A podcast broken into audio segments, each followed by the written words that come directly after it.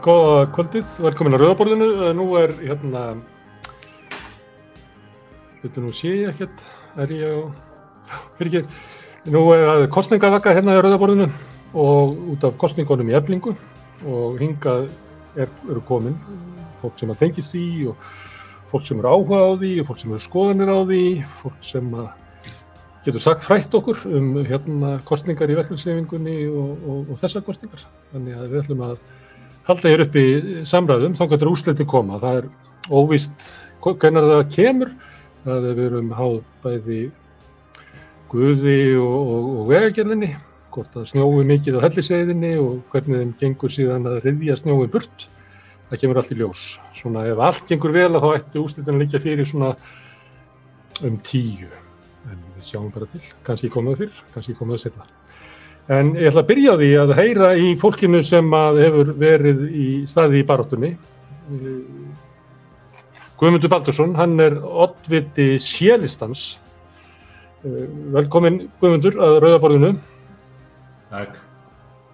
Hvernig hérna, nú er þetta bara búinn, nú er þetta búið með allt þitt, búinn að standa í kostningabaróttunni býður eftir því að úrslitin komi, þú ert svolítið svona eins og fimmleikastúlka sem er búið með golfæfingarnar og býður eftir því að dómarinni gefið þeir stig. Hvernig, hvernig líður það núna á þessu tímamótu? Finnst þú að hafa gert allt? Finnst þú að mætti, hefur þú kosið að hafa einn dag í viðbútt til þess að koma þínum sjónamöðu fram? Hvernig er tilfinningin?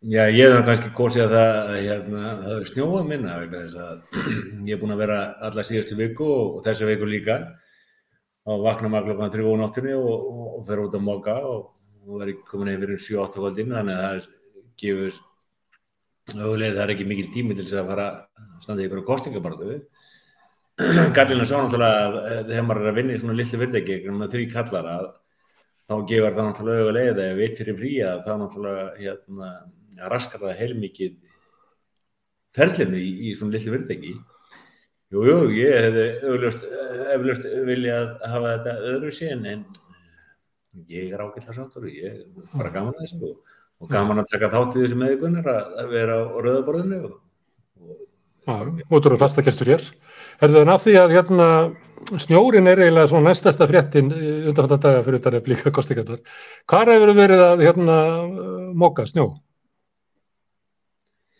Ég get sættir að gunnar að hérna eftir flóðin 95 á hlættri þá flutti ég í burtu og e, það voru gríðarlega miklu snjóur alltaf á ladri, alveg gríðarlega miklu. Ég er að móka snjó í austur kór í kórakörunni Kópaví og ég get alveg sagt þér það að það minnir mann svolítið á, á hérna vestfjörðina hvaða snjóðaði mikið vegna þess að í einu bóttákanum að það voru þannig að það voru þrý bílar með ST og þá bara það ekki á þeim. Þannig að snjórinni í kórakörunni er búin að vera alveg og er mjög mikið þarna frá. Hmm. Þannig að hérna, þín kostningabarta, hún hefur bara snjóað inni, má ég lega segja. Þannig að þú eru eiginlega lítið annað gert en að móka snjó, hvað svona undanfanna þrjá fjóra daga? Já, má ég lega segja það og hérna þegar snjóruðnustekki stoppara þá, þá var það náttúrulega frettamenn eða einhverjar aðrar að ringja og, og, og tröfla með maður að móka og, og það er svo mikið vel séð og þá eru fólk í, í botlangunum með skóplu og horfa á mig og skilja ekki tíða á hverju stopp. En e, þetta er einhvern veginn hafist það er gaman að taka á þessu, mjög gaman. Já, hérna klassisk spurning á þessu tíma, hvernig heldur þetta að fari? Hvað heldur þú fáir mörg atkvæði eða stort hlut hvað? Fyrst og kannar, ég, ég get ómögulega satt til um það en ég svo sem alltaf ég myndi mér það að hérna Solveig hún er alltaf með gríðarlega mikla kostningamaskinu og, og við þar er það mjög öflugur, ég þekki það nú sjálfur vegna þess að 2018 þá var hann að skipuleikja útringar og var bísna segur í því skal ég segja þér og, og við vorum að ringja uh, mikið út. Og uh, Solveig, Anna og Viðar er náttúrulega búin að hafa fjóra mánuði með bísna góð laun við að skip, skipuleikja þetta það sem við höfum að gera núna í dag. Þannig að dálítið svona ójafleikur að því ég var að segja við þið á þann að ég hef verið að móka snjó frá þrjúun óttinu til, til 7-8 daginn að þá nú verður að vera konið búrum klóða nýju þannig að það er nú svo sem ekki mikið þetta að gera. En ég hef góða aðstofamenn en ég veist hann alveg gunnar að hérna, með svona mikið fórskotni eins og Sólífi hefur og, og e, fullt af fólki sem er að agitera fyrir hennar og, og svo náttúrulega oh. hefur reynsluna þessu sjálfa jú, jú, þetta er náttúrulega sko, ég myndi að halda það að Sólvöðu myndi nú taka það með dálit miklu, miklu mun held ég, annars voni ég að koma eitthvað á vart. Það gefur í ljósa eftir og, og vonandi ná úslitin áður en þú þurft að vera farin að sofa svo getur haldið áfram að móka á morgun. Ef að úslitin dragast að þá bara, hérna, segja ég bara góða nótt, en ég vona að, að þú komir ynga fyrir að úslitin líka fyrir, að þú vakir, stilir af þér einu með teimu tímum í söfni til þess að að setjast þetta með okkur og spá í, í úsleitin. Ég vona, ég vona það líka, Gunnar. Ok, herru, ég þakka það kjalla fyrir. En núna ætla ég að heyra í, ef ég feg bara öfu á rauð, þetta var sélistinn og þá hefur komið að bílistanum, Sólvig Anna Jónsdóttir, velkomin. Hæ. Anna, hæ, hæ. Herri mér. Herru, já, ertu í einhverju kostningavöggu eða þú ert á svo undarlegum stað, það er eins og sitt hún í fiskabúri, hvað ertu? Já, fröys eitthvað. Hörðu mér. Já. Hæ. Hæ, hvað ertu? Herðu, ég vil ekki segja hvað ég er, af því ég hef engan stað til þess að vera á, þannig að ég er bara svona, ég er afsýðis. Já, en þú ert á kostningavöku Já, ég er á bélistans. kostningavöku barðlistans, já. Ef að einhver er að hlusta sem að myndi vilja hérna fara á kostningavökuna, hvað er hún? Er fólki velkomið að koma og, og, og fagna með ykkur eða, eða þerra tárin? Akkurat þeirra tárin neitt. Já, við erum í bryggjunni, brugghúsi sem að er á Grandavegi nr. 8 held ég. Og ef Ok. þið farið inn á baráttulistan á Facebook þá sjáum við viðburðin þar. Ok. En hvernig leggst þetta í þig? Nú, þegar, nú ertu búin að gera allt sem þú getur, þetta býða eftir úrslitunum. Hvernig, hvað segir hjartað þitt? Já, þetta leggst bara mjög vel í mig en ég er auðvitað bara mjög stressuð og, og rosalega spennt. Um, en ég held að ég og félaga mínur á barðulistanum um, getum verið ágætlega sigurviss. Við erum náttúrulega búin að uh, leggja okkur mikla vinnu. Ég heyrði að Guðmundur var hér eitthvað að reyna að stilla því upp þannig að svo vinna sem vinnan hefði verið verið náttúrulega bara einhvern veginn að öll af mér og, og ég væri bara hérna uh, í, í einhverjum vellistingum alltaf eitthvað að uh, berjast fyrir mínum eigin sigri en staðrendin er svo að við höfum náttúrulega verið með stóran hóp með innbyttra sjálfbúðaliða fólk sem hefur vilja að liðsina okkur vegna þess að trúir á þessu baráttu sem við erum í og svo erum við náttúrulega bara með frábært fólk á listanum, baráttu listin er frábær og fólk hefur bara sjálf tekið þennan slag um, í eigin hendur og tekið hann mjög alvarlega. Um, þannig að eftir um, það mikla vinnu það mikla vinnu sem við höfum lagt á okkur uh, eftir þær snertingar sem við höfum komist í við félagsfólk og svo auðvitað bara eftir að þau fjölmörgu skilaboð sem að ég og við höfum fengið þá held ég að við munum vinna en auðvitað kemur, kemur svo um, kemur það í ljós innan skams. Mm. En nú hefur stór hluti kostningabartuna verið svolítið háður um það, veist, hvers konar manneskja þú ert og, og, og viðar. Hvað líður eins og það hefur lent í svona þóttavendu eftir þetta eða, eða ertu kannski ekki lent ennþá eftir átökin? Já, sko þetta er náttúrulega ofta tíðum búið að vera erfitt, ég ætla ekki að neita því, en uh, staðrindin er svo og, og um, hún, er kannski ekki, ekki góð eða skemmtileg, en hún er einhver síður sönn. Að frá því að ég tók við vorið 2018 þá hef ég náttúrulega setið meir og minna undir einhvers konar linnulausum árásum hvort sem að það kom frá um, uh, fyrrum hátsettum stjórnendum um, fólki sem að vildi fá uh, einhverja sér samninga uh, og svo auðvitað um, bara fjöl, fjölmiðlum á hennum ymsu stundum baráttunar þar sem að ég og félaga mínir vorum ásökuð um alls konar um, glæpi og ég var auðvitað ásökuð um að vera einn verst innrætta kona bara Íslandsjónar, batnaræningi í verkvöldunum við borgina og svo framvegis. Þannig að um, það má kannski segja þó að það sé ekki, ekki gaman að einhvern veginn horfast í aug við það, þá má samt segja að svo svona um, eldskýr sem ég um, hlaut við að uh, vinna í kostningunum 2018 að einhver leitu þetta bara undirbjó mig fyrir þá brjálsemi sem svo dundi á núna á síðustu mánuðum. En eh, ein leið til þess að losna við þessa brjálsemi og allt þetta fólk að bakinu er bara að tapa kostingunum. Því að það mögum halda áfram með þú vinnur, sko. Er það ekki? Já, sko, ég veit alveg að um, þetta mögum auðvitað halda áfram í svona einhverju formi og einhver starf frá og svo framvegis. Ég ger mig grein fyrir því og ástæðan fyrir því er auðvitað svo að svo svona aðferðafræði sem ég og félaga minn erum beitt og svo herska og rótaka stjættabaróta sem að við höfum staðið í eru auðvitað bara til þess fallin að um, uh, framleiða óvinni. Um, en fyrir mér þá vona ég auðvitað að um, við, við vinnum í þessum kostningum vegna þess að á endanum þá auðvitað snýst þetta allt saman ekki um mig sem personu eða mínar tilfinningar, mínar líðan um, og svo framvegis heldur snýst þetta um það að efling geti orðið þar sem að félagið á að vera um, helstu og fremstu baráttu samtökverka og láleina fólks. Um, ég tel að ég hafi á samt félagum minnum sínt og sannað að við getum náð raunverulegum um, og miklum árangri Þannig að ég vona að ég fái þá bara að um, halda áfram að slafst við óvinni mína um, sem formaður félagsins og ég bara testi mér í að gera það. Mótframbjóðaðinn eða meðframbjóðandi, svo vitins kallaði það, Guðmundur Baldursson, hann spáði því áðan að þú myndir vinna þetta glæsilega. Hvað, að þú að spá hver úrsliti verða? Nei, veistu það, ég bara þórið ekki.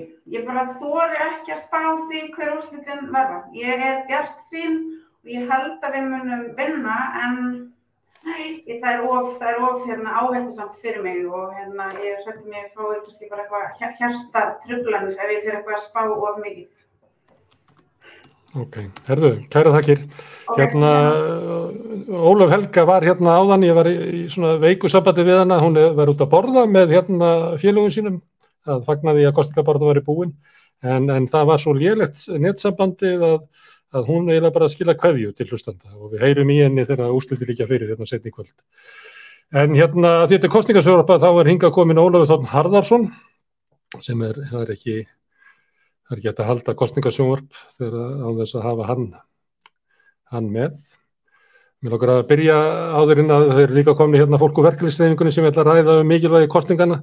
En mér lókar bara að byrja á þér svona sem að stendur fyrir utan uh, verkefliðsbaratuna. Hvað Hvað er þetta mikilvæga kostningar? Er þetta sumið eitthvað mig í dag þetta verður mikilvægri kostningar heldur en sveitastjóðan kostningarnir? Eh, er þetta mikilvæga kostningar álur? Já, ég held nú að þetta séu mikilvæga kostningar. Það sem að flestir eru sjálfsagt spettir yfir eftir þessi átök sem hafa verið í félaginu er hvort að Solveig Anna hefur þetta eða ekki. E, það er, það er eh, reyndar verður líka, ég heyri nú að, að, að, að þau tvö halda nú kannski að Solveig muni vinna. Eitt af því sem verður aðtiklisvert ef það gerist er hvort að baráttulístin fær hreinan meiri hluta eða hvort að hann verður bara stærstur af þremur uh, og vinnur þannig.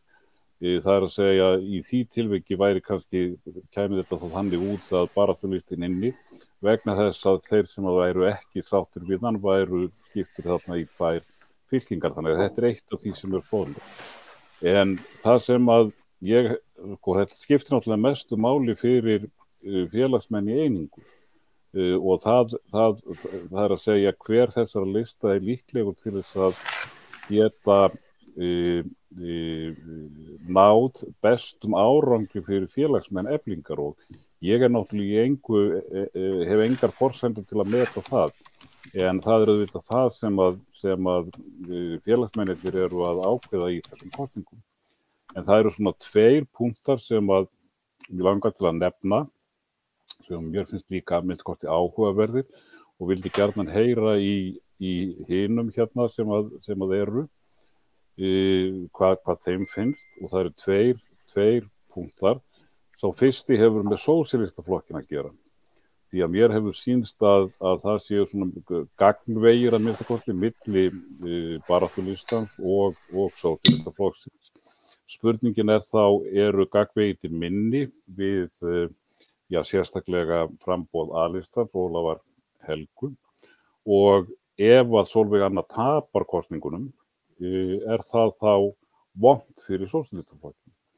Hinn punkturinn er sá, er, er, er, sá, um, um áhrif á verkefliðsreifinguna í heild og komandi kjarasamninga í höst og hvernig, hvernig, hvernig þeir verða lagðir upp. Við höfum náttúrulega verið þarna með herskáan andóshóp held ég með að segja innan verkefliðsreifingarnar þar sem þau hafi verið mest ábyrjandi Solveig Anna og, og, og Ragnar og, og Vilhjálmur. E, ef að Solveig Anna tapar mun það þá veikja þennan hóp eða mun það litlu breyta því að það veri líka mjög fróðlegt að heyra uh, hvort, að, að því, hvort að það er raunverulega mikill áherslumunur á, á viðþorfum uh, baratulistans og uh, sérstaklega aðlistans. Ég hef mjög gaman að heyra hvað, hvað, hvað mann halda um, um þetta en, en þetta skiptir auðvitað máli varðandi þá, þá uh, herska og róttækur reyfingu sem að hefur myndast í verkefnisreyfingunni síðustu árum. Ég skal, ég skal hérna leifa Viljálmi Birgitsinni að svara um áhrifin til verkefnisreyfinguna en ég ætla að byggja þig Ólafur að vera nær hljóðunemanum þegar þú kemur inn aftur. Það er svona aðeins og látt í þér hljóðið. En varandi sósættarflokkina þá veit ég að það eru félagar í sósættarflokknum á A-lista og B-lista. Ég er ekki alveg klár með, með sérlista þannig að, að, að það, er nú, það er nú þannig. Þannig að, að því að þú nefndir, nefndir það áðan og, og kannski eh, er nær mér að svara fyrir um það heldur en Viljámi Birgisinni en Viljámi Birgisson náður prófinu sem að Ólafur Harðarsson lagði fyrir þig ég held að þetta hefur verið einar fimm spurningar sem að profesorun vildi fá svar við Betur það er hljóð, veirum ekki þér? Það er þín megin. Halló, heyrðu núna? Já, já, nú heyri ég.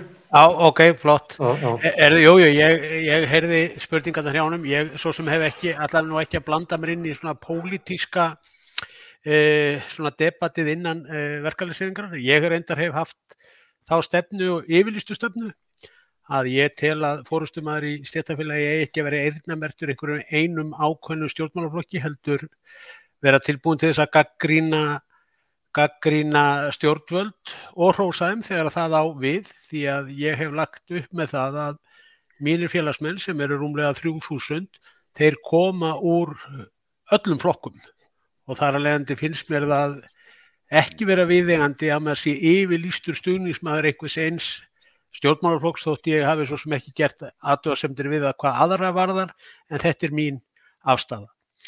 Eh, spurningi sem að ég kannski er tilbúin til að svara sem að Ólafur nefndi varðandi þennan hóp eh, sem að hefur svo sem engin launung verið á að við höfum unnið þétt saman og við gerðum það í lífskjara samningnum.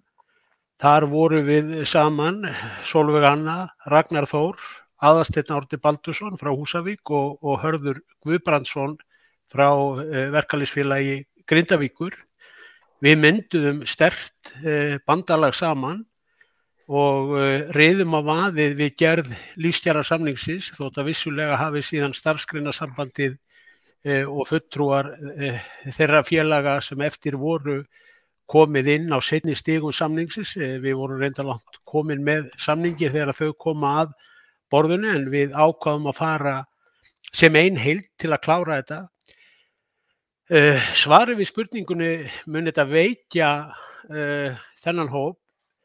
Þá er stuttasvarið já svo sannarlega. Og ég hef svo sem sagt það að þessar kostningar þær eru svo sannarlega mikilvægar fyrir uh, félagsmenn lefningar að velja sér hver verður fórustumæður en ég lít svo á að það er ekki engungu verið að kjósa um hver verður formaður eblingar heldur líka verið að kjósa um stefnur og ströyma í verkalisreifingunni í heilsinni. Því að það er alveg ljóst að, að eins og uppbyggingin á verkalisreifingunni er þetta svo kallar fulltrúa líðræði þegar við förum inn á þing alþýðisambansins og inn á þing starfskunarsambansins að þá er það svona stórt og öflugt félag eins og ebling er og ég get bara tekið sem dæmi að ebling er 44% af öllum, eh, að stærðinni 44% af heildar fjölda eh, aðildarfélaga starfskunarsambansins. Þeir eru með rétt hæflega helmingin þannig að það skiptir gríðarlega miklu máli og síðan likur fyrir að inn á þingum alþjóðsambassins að þegar ebling og vaffer taka sér saman að þá likur fyrir að, að það slagar upp í hátt í 50% af eh, atkvaða væginu sem það er inni. Þannig að þessar kostningar skipta gríðarlega miklu máli um, um framtíðin og ég er ekki neinum af með það að ef þetta fer með þeim hætti að eh, Solveigarna vinni þessar kostningar sem að ég er nú sammála uh, Guðmundi Baldursinni með að að hún muni gera að þá er það mín spá að það verði umtalsverða breytingar í íslenskri verkefliðsefingu á næstu missurum. Áður en ég læt Ólaf gefa þér einhver fyrir svaru. Þú segist hérna, búast við því hún vinni. Hvað, hvað hefur þau fyrir þeir í því? Hefur þau tekið þátt í kostingabortunni ég mann 2018 og þá varstu eiginlega virkur þáttakætti í kostingabortunni. Helst fundi með Solvi Önnunni á Eyri og Já, menn men, men skul ekki gleyma því að, að verkefælisfélag Akranis var eitt út í eðumörkinni allt frá árunni 2004 að halda uppi e, gaggrinni á reyfinguna og ég er ekki til einum vafa um það að þessi e, gaggrinni verkefælisfélags Akranis á liðnum árum gagvart aðstu fórustu alþjóðsabans Íslands meðal annars á Sigur Bessásson og fleiri sem að voru þarna og stjórnuð íslenskri verkefælissefingu gerði það verkum að það myndaðist í jarðvegur bæði fyrir Ragnar Þóru og síðan Solvögu Önnu. Við þekkjum öll þessa sögu um samræmdu lálunastefnuna sem að ég gaggrindi mikið, Saleg og það er fyrir áðurinn að Ragnar og, og, og Solveig taka við, það er 2015 og síðan alla barótuna sem að síðan var Eh, háð eftir hrunið. Ég held að ég hafi verið eini formaðurinn í stjættarfélagi ef ég man þetta rétt að það er þá geta einhver leiðrittum með það. Ég held að ég hef verið eini formaðurinn sem helt ræðu til dæmis á Austurvelli. Ég held ekki eina, ég held ekki tvær, ég held þrjár ræður á Austurvelli í búsáðaldabildingunni. Eh, Verkalisefingin var gaggrínt harlega fyrir að taka ekki þátt í þeirri baráttu en verkalýsefingin tók hins vegar stöðu með fjármálakerfinu eins og ég hef sagt áður þar sem að fórseti alþýðisopassins fyrverandi e, tók ákvörnum það með í, í nefnd sem að var skipaður af Jóhannu Siguradóttur sem að þá var félagsmálar á þeirra í óttobur 2008 að taka ekki neysluvísitölunum sambandi vegna þess að það myndi kosta fjármálakerfið 200 miljardar hins vegar þekkjum við þá sögu að skuldir íslenskra heimila stökkbreytist um 400 miljardar og mér fannst á þessum tímapunkti það með ólíkindum að æðsti maður í íslenskri verkefælisefingu hafi verið tilbúin til að fórna sínum eigin félagsmönnum með þessum hætti. En, mm. en, en ég held að það séu spennandi tímar framöndan. Uh, það verður mjög mikilvægt og ég held að það muni gerast að við þessi hópur sem að höfum munni saman, ég held að við munum þétta raðirnar, ég held að við munum fara yfir stöðuna þegar að úsliti líka fyrir og ef þið fara svona eins og við, ég held að þau muni fara, að þá er ljóst að við þurfum að tala saman um það hvernig við viljum sjá íslenska verkefælisreifingu á, á næstu, næstu mánuðum. Mm. Það kemur vonandi ljós bara setni kvöld hver úsliti verða. Ég er að senda hérna á menn að spyrja hvort að bílinn úr hveragerði sé lagður á stað yfir heiðina og hvort að heiðin sé opinn, þannig að eitthvað sem að veit þetta má senda mér skilabóð. En Ólafur, svaraði þetta spurningunum á vangaveltum? Já, það gerði það nú eiginlega. Ég, þú varst að byggja um einhvern, hann fær 9-5. 9-5. Fyrir þetta príðilega svar. Þetta hefður einn áhuga að vita líka hvort að, að það að það sé mikilvægt fyrir styrk þessa hóps í framhaldinu að Solveig annars sé með er þá að verið að byggja það fyrst og fremst á, á, á persónulegum eiginleikum Solveigar önnuð þar að að hún er kraftmikill fórustumadur eða byggir það líka á því að það sé svona ólík hugmyndafræði eða ólíkar hugmyndir á milli ja, A-listans og B-listans. Mm. Ég ætla að fá að varpa þessari spurningu yfir á, á Ragnar Þór Ingólfsson sem er komin hinga líka og getur svarað þessu eins vel og Viljámur svo Viljámi líði ekki eins og hann sé ykkur munlugu prófi hjá stjórnmála fræði prófísónum. Hvað segir Ragnar Þór? Er það snýst þetta um, um stefnu eða personu solvarennu? Hversu mikilvægt er fyrir ykkur hérna þig og, og læri meistaraðinni Viljálm að hafa hann í liðinu? Já, ég held að sko hvort tvekja. Uh, sko þó að við förum fyrir eins og til dæmis vaffer og, og ebling til dæmis eru mjög ólík, ólík félag og uppbyggingu erum bara mjög ólík við í vaffer erum með langstæsta félagið uh, mikla breytt félagsmanna. Allan tekju hópin eða tekju bilið eins og það leggur sig nánast og sumulegis bæði mentaða og ómentaða Eh, þannig að, en sko hugmyndafræðilega séð og það kannski myndi ég svona þá kalla eftir þá þessari rótækni og þessum krafti sem að verkefliðsreifingin þarf að sína sem er aftur uh, likillin að því að ná betri samningum. Og þar hafa fólki með sér. Og eins og uh, félagi Vili kom inn á áðan að ég satt nú fyrstu, fyrsta aðeins í þingi mitt 2009 og ég var nú duglegur að kvitta undir tillögur og álíktanir sem hann, sem hann þurfti að sapna fyrir til þess að fá að, að, að leggja fram á svona þingum og var svo jafn og þakkaðu niður að frambóð mitt á svona tíma var uh, yfirlýst vantraust á þáverandi fórustu undir hérna, fórustu Kilva Arbjörnssonar og, uh, og það var alveg skýr valkostu sem að félagar í Vaffer höfðu á þeim tíma. Og uh, Sömulegist er að Solveig Anna býður sér fram að það er alveg skýr valkostur á, á milli. Og ég held að, að valkostunum sé svona nokkuð skýr líka núna og það er kannski uh, uh, hvernig við vinnum saman út á við. Uh, ég er að koma þessu kannski svona í, í orð og það kannski snýr svolítið að því að, að þó að félöginn séu ólík að þá hafa þau náð að vinna samt nýta, nýta sko þá styrkleika, hugmyndafærlega styrkleika. Ég get nefnt sem dæmi að þessi ótrúlega þjónkun til dæmis við lífyrirsjóðakerfið og uppbyggingu þess eins og vilja koma inn á áðan þegar að fyrir fórseti aftíðusambansins notaði það sem helstur rauk fyrir því að verja heimilinn með því að taka vísturlega tímbundu og samband á sínum tíma og beitti sér sérstaklega gegn því og var svona svo helsti aðili sem að stöðvaði þær hugmyndir, hugmyndir að uh, það var gert til þess að, að hlýfa lífriðsjóðakerfinu og fólkinu var bara nánast fórnað á einu bretti og, og, félagsmönnum uh, hérna, félagum okkar og heimilónum að það verðum 15.000 heimili sem við vitum að lendu í valnum.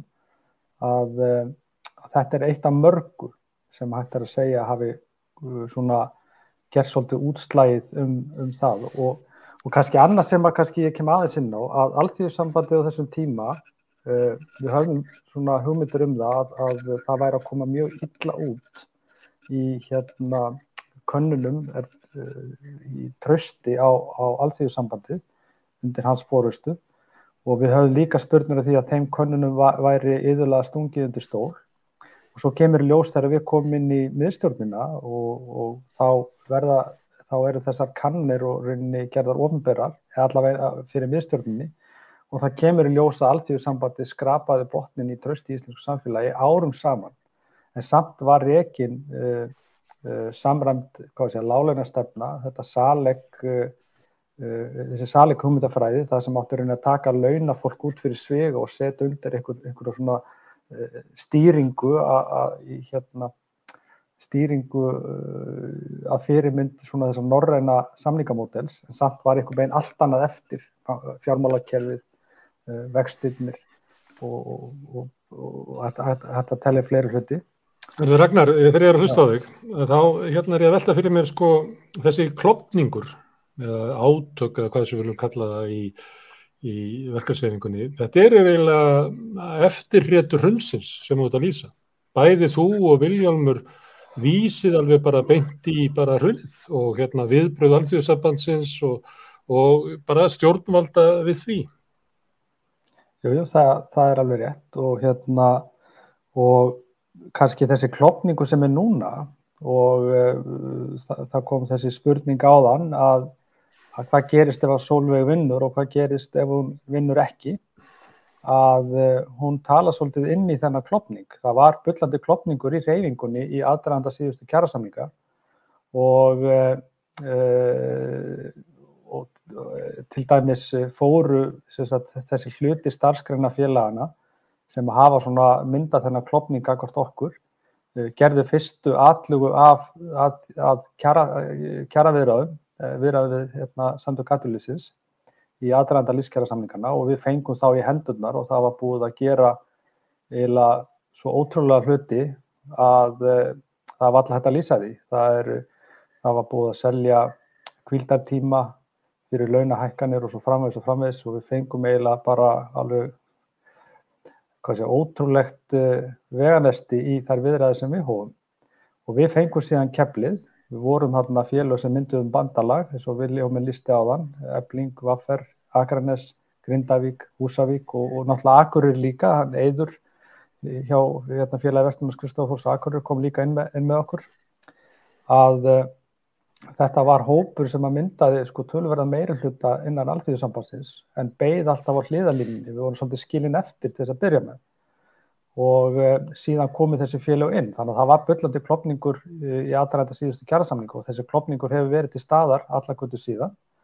Það sem mun gerast, uh, það sem ég tel að mun gerast ef, ef að Solveig vinnur ekki, ef, ef Ólu vinnur, að þá mun þessi hópur styrkjast undir fórustu drífu fórsetta alþjóðsambansins og starfskennafélög munu fara þá í að, að söm, sömu aðalega sömu félög og, og skiluð okkur þessu hræðilega búi sem við tókum við þegar við fórum, tókum við keppjun inn í karpúsi að þetta er þá hópurinn sem að mun stýra uh, ferðinni inn í næstu kjærasamninga og uh, ég og Vili og, og vættalega þessi hópur sem fór saman að solu hérna, uh, undanskilinni að við munum setja bara í einhverju farþægarsæti og, og, og á meðan uh, það ferli verður allt. En ef að sól, sóluhensverð vinnur kostningarnir í eflingu, að þá er ég alveg sammála að vilja að, að uh, það er ekki bara uh, sko sami hópur, kraftmiklu hópur sem mun gera vantala fyrstu allu að kjæra samningum, heldur líka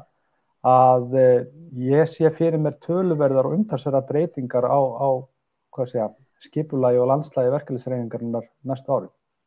Mm. Hérna, Ólafur, þetta er svolítið merkilegt hérna, um, óuppgerð eftirmál hrunsins séu að hafa þessi á, áhrif á hérna, inn í hérna verkefliðsreiningarnar. Ég veit að þú og aðri stjórnmálafræðingar hafa verið að lesa það út úr sko, úrslitu þingkostninga og uppbróti flokkakerfisins En þarna, núna er að koma bara fram lýsing sem að sýnir að, að áhrifin er bara engum inni inn í verkefsengunni. Já, þetta er mjög aðeinsvert og það er mjög aðeinsvert að heyra þessi sjónamið. Í, sko, ég held nú reyndar að það er breytingar sem að urðu á flokkakerfinu, þessi fjölkun flokka og alls konar uppbrott sem að urðu eftir hrunið, að þau séu ekki bein afleiðing af hruninu, heldur hafi það verið þróun sem var líkleg að yrði hvað sem er og við myndum bara fylgja í þróun sem að hefur verið eiga til staðvarðandi flokkakerfin á hinnum Norðurlandunum en hins vegar held ég að líka að hrunið hafi í rauninni sko ítt þeirri þróun á stað hafi verið svona það sem stundum við kalla svona trigger event sem að, sem að hrindir af stað breytingum sem að kannski eru í, í, í struktúrnum þegar. En það er líka mjög aðeinsvert að heyra þetta um, um hrunið og verkefliðsrefinguna. Ég, ég veit reyndar ekki, kannski, kannski ég, ég hef ekki hugsað mikið um það, en, en hins vegar þá ég, má kannski segja að, að er það ekki rétt tólkun að, að, að andof e, þessa hóp sem að, sem að e, hefur verið herskári og, og, og róttækari og við erum að tala um að hann er, er í rauninni að gaggrína áherslur e, ASI og verkliðtengarnar eiginlega allar götur frá því þjóðarsóttasamlingum ekki bara uh, viðbröðin í, í, í hruninu eða, eða það, það, já, það verið gaman að vita hvort að, hvort að það er réttur skilningur hjá mér. Já, ég ætla að skjóta hérna inn að, að það var sett hérna inn á þráðin sem að við kemur við hérna útsettinguna. Það var Birgitta Jónsdóttir, uh, þaulvanur stjórnmálamæður sem að skrifa að þetta eru mikilvægari kostningar en þingkostningar. Tækifæri fyrir breytingar sem langflestur munu finna fyrir. Vona baráttulistin vinni, segir Birgitta. Þannig að það er hérna Guðbjörg, hérna, ég, bara ég veit svo til að ég sé hann ekki, það er ekki kveikt á myndavilinni hjá henni. Þannig að, að ég byrði hann að kveikja á henni svo áður ég, þannig að ég geti gefið henni orðið. Já, Guðbjörg, hérna þú hefur verið að heyra lýsingar Viljáns og Ragnars og þú ert nú ekki svona í liðinu með þeim og Solvögunnu og, og aðalsteinni á Húsavík. Hvernig metur þú, hérna, ef þú ættir að svara þessum spurningum hérna Ólafs Þórn Harðarssonar um hérna hversu mikilvægir þessar kostningar eru og hvort það er muni hafa afleðingar langt út fyrir eflingu, hvort að að þessi andofsafl sem að þeir hafa kannski leitt með Solveigu, hvort að, að, að aflið sé eiginlega farið ef að, að Solveig vinnur ekki í, í kvöld. Já, ég, hérna, ég, er ekki, ég er ekki á móti Ragnar og Vilhelm orðar það þannig, alls ekki sko. Ég, hérna... Ég sagði að þú hefur ekki verið með í þessu, þá er ég bara að vísa í samningana já. síðustu þegar þeir klöfu sér frá starfsgrunarsabatinu og, og fór að semja sér. Já. já, ég hef nú svona bara lagt mig fram við það að geta bara unni með öllum og, og, og hérna mér er nú bara vel við alla í verkalýsreifingunni og ég reynir nú að gera bara það sem er best og hendar best fyrir mitt félag en kannski bara, mæti kannski segja tækifæri sinni hvað það var þar en hérna, sko ég auðvitað er þessar kostningar gríðarlega mikilvægar, ebling er, er stórt og öflugt félag og, og hefur rosalega mikið vald þannig að niðurstöður þessar kostningar eru vissulega að fara að hafa mikil áhrif á verkefælisreifinguna og, og hérna, ekki bara uh, kostningarnar og, niðurstöðunar heldur er það kannski sem skiptir líka miklu máli, það er hvað gerist í, þegar kostningum er loki og ég held að það sé bara alls ekki síður mikilvægt að þeir sem að vinna eða, eða sá aðlið sem vinnur þessar kostningu, sá flokkur eða sá listi, að hann sagt Eh, fái vinnufrið vegna þess að, að það skiptir svo miklu máli að fá eblingu þarna, ebluga inn í kostningabaratuna, neða inn í hérna, samningana og, og hérna, starfhæfa og, og félagi verður að vera starfhæft þannig að það þarf að þurfa allir að taka sér saman uh, að þessum kostningum loknum og vinna með þeim uh, sem að vinnur þessu kostningar vegna þess að, að hérna, já, svo burt sér frá því hver vinnur þá. Og vissulega hefur það áhrif hver vinnur þá. Ég er svo sem, ég veit ekki alveg, uh, Ólaf segir, ég þekki Ólaf ekki neitt og aldrei unni með henni, hún segir að, að, hérna, uh, að hún sé, uh, sé líka svona öflug baráttu kona eins og Solveig og við vitum alveg að Solveig er ekkert að fara að koma, hún er ekkert að fara að mæta hans að vera með læti og hún verður ekkert ljúfa annað þegar hún kemur inn, við vitum það hún kemur inn með látum eða hún kemur aftur inn Þannig að þetta hefur áhrif ekki bara innan nefningar heldur innan, alla verk, innan allra verkefælisreifingarna, það er nokkuð ljóst sko. Mm. Guðbjörg, nú er búið að loka kjörstuðum, þannig að þú hefur ekki neina áhrif á, á kostningarnar.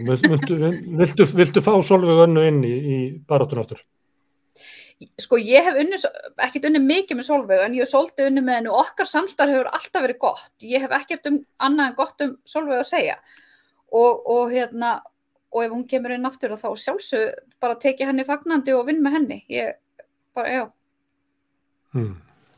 Herðu, nú ætla ég að, að ég nefndi hérna að Birgitta hefði skotið hérna inn kommentin á þráðin við lokkum hann hérna inn hérna, Birgitta uh, útskýrði þetta af hverju þetta er mikilvægustu mikilvægri kostningar heldur en já, bara mikilvægustu kostningar ásins það er þá mikilvægri sveitastátu kostningar og já, kannski bara mikilvægir en þingkostningar. Akkur er það?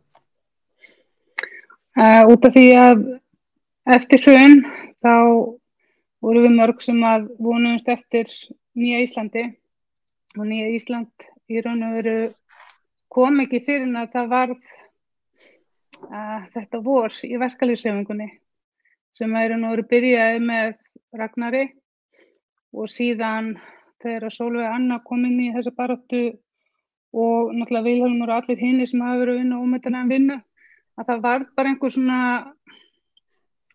kraftur og einhverju búan um að það getur orðið uh, breytingar fyrir þá sem að gleymast alltaf hjá þingmannunum uh, breytingar fyrir ósynlega fólkið. Og allt í einu var orðið þannig að var það orðið þannig að maður gætt sagt við svona félagi sína erlendi sem hefur verið að fylgjast með til dæmis stjórnarskamálinu og öðru að maður gætt lóðsum sagt eitthvað jáfætt um hvað var að gerast á Íslandi. Og ég hef alltaf haft þá trúa að, að breytingarnar gerast alltaf á svona dýfsta háttin uh, þessu nær sem það eru fólkinu. Og verkefliðsefingin er þannig afl, hún er næst fólkinu. Og það var mjög dapulegt að sjá hvað hún var orðin mattlaus og ég gleym ekki til dæmis trekki drekka fyrsta mæ þá var Gilvi búað niður. Búað niður af, af fólkinu sem var uh, í kröfugöngu.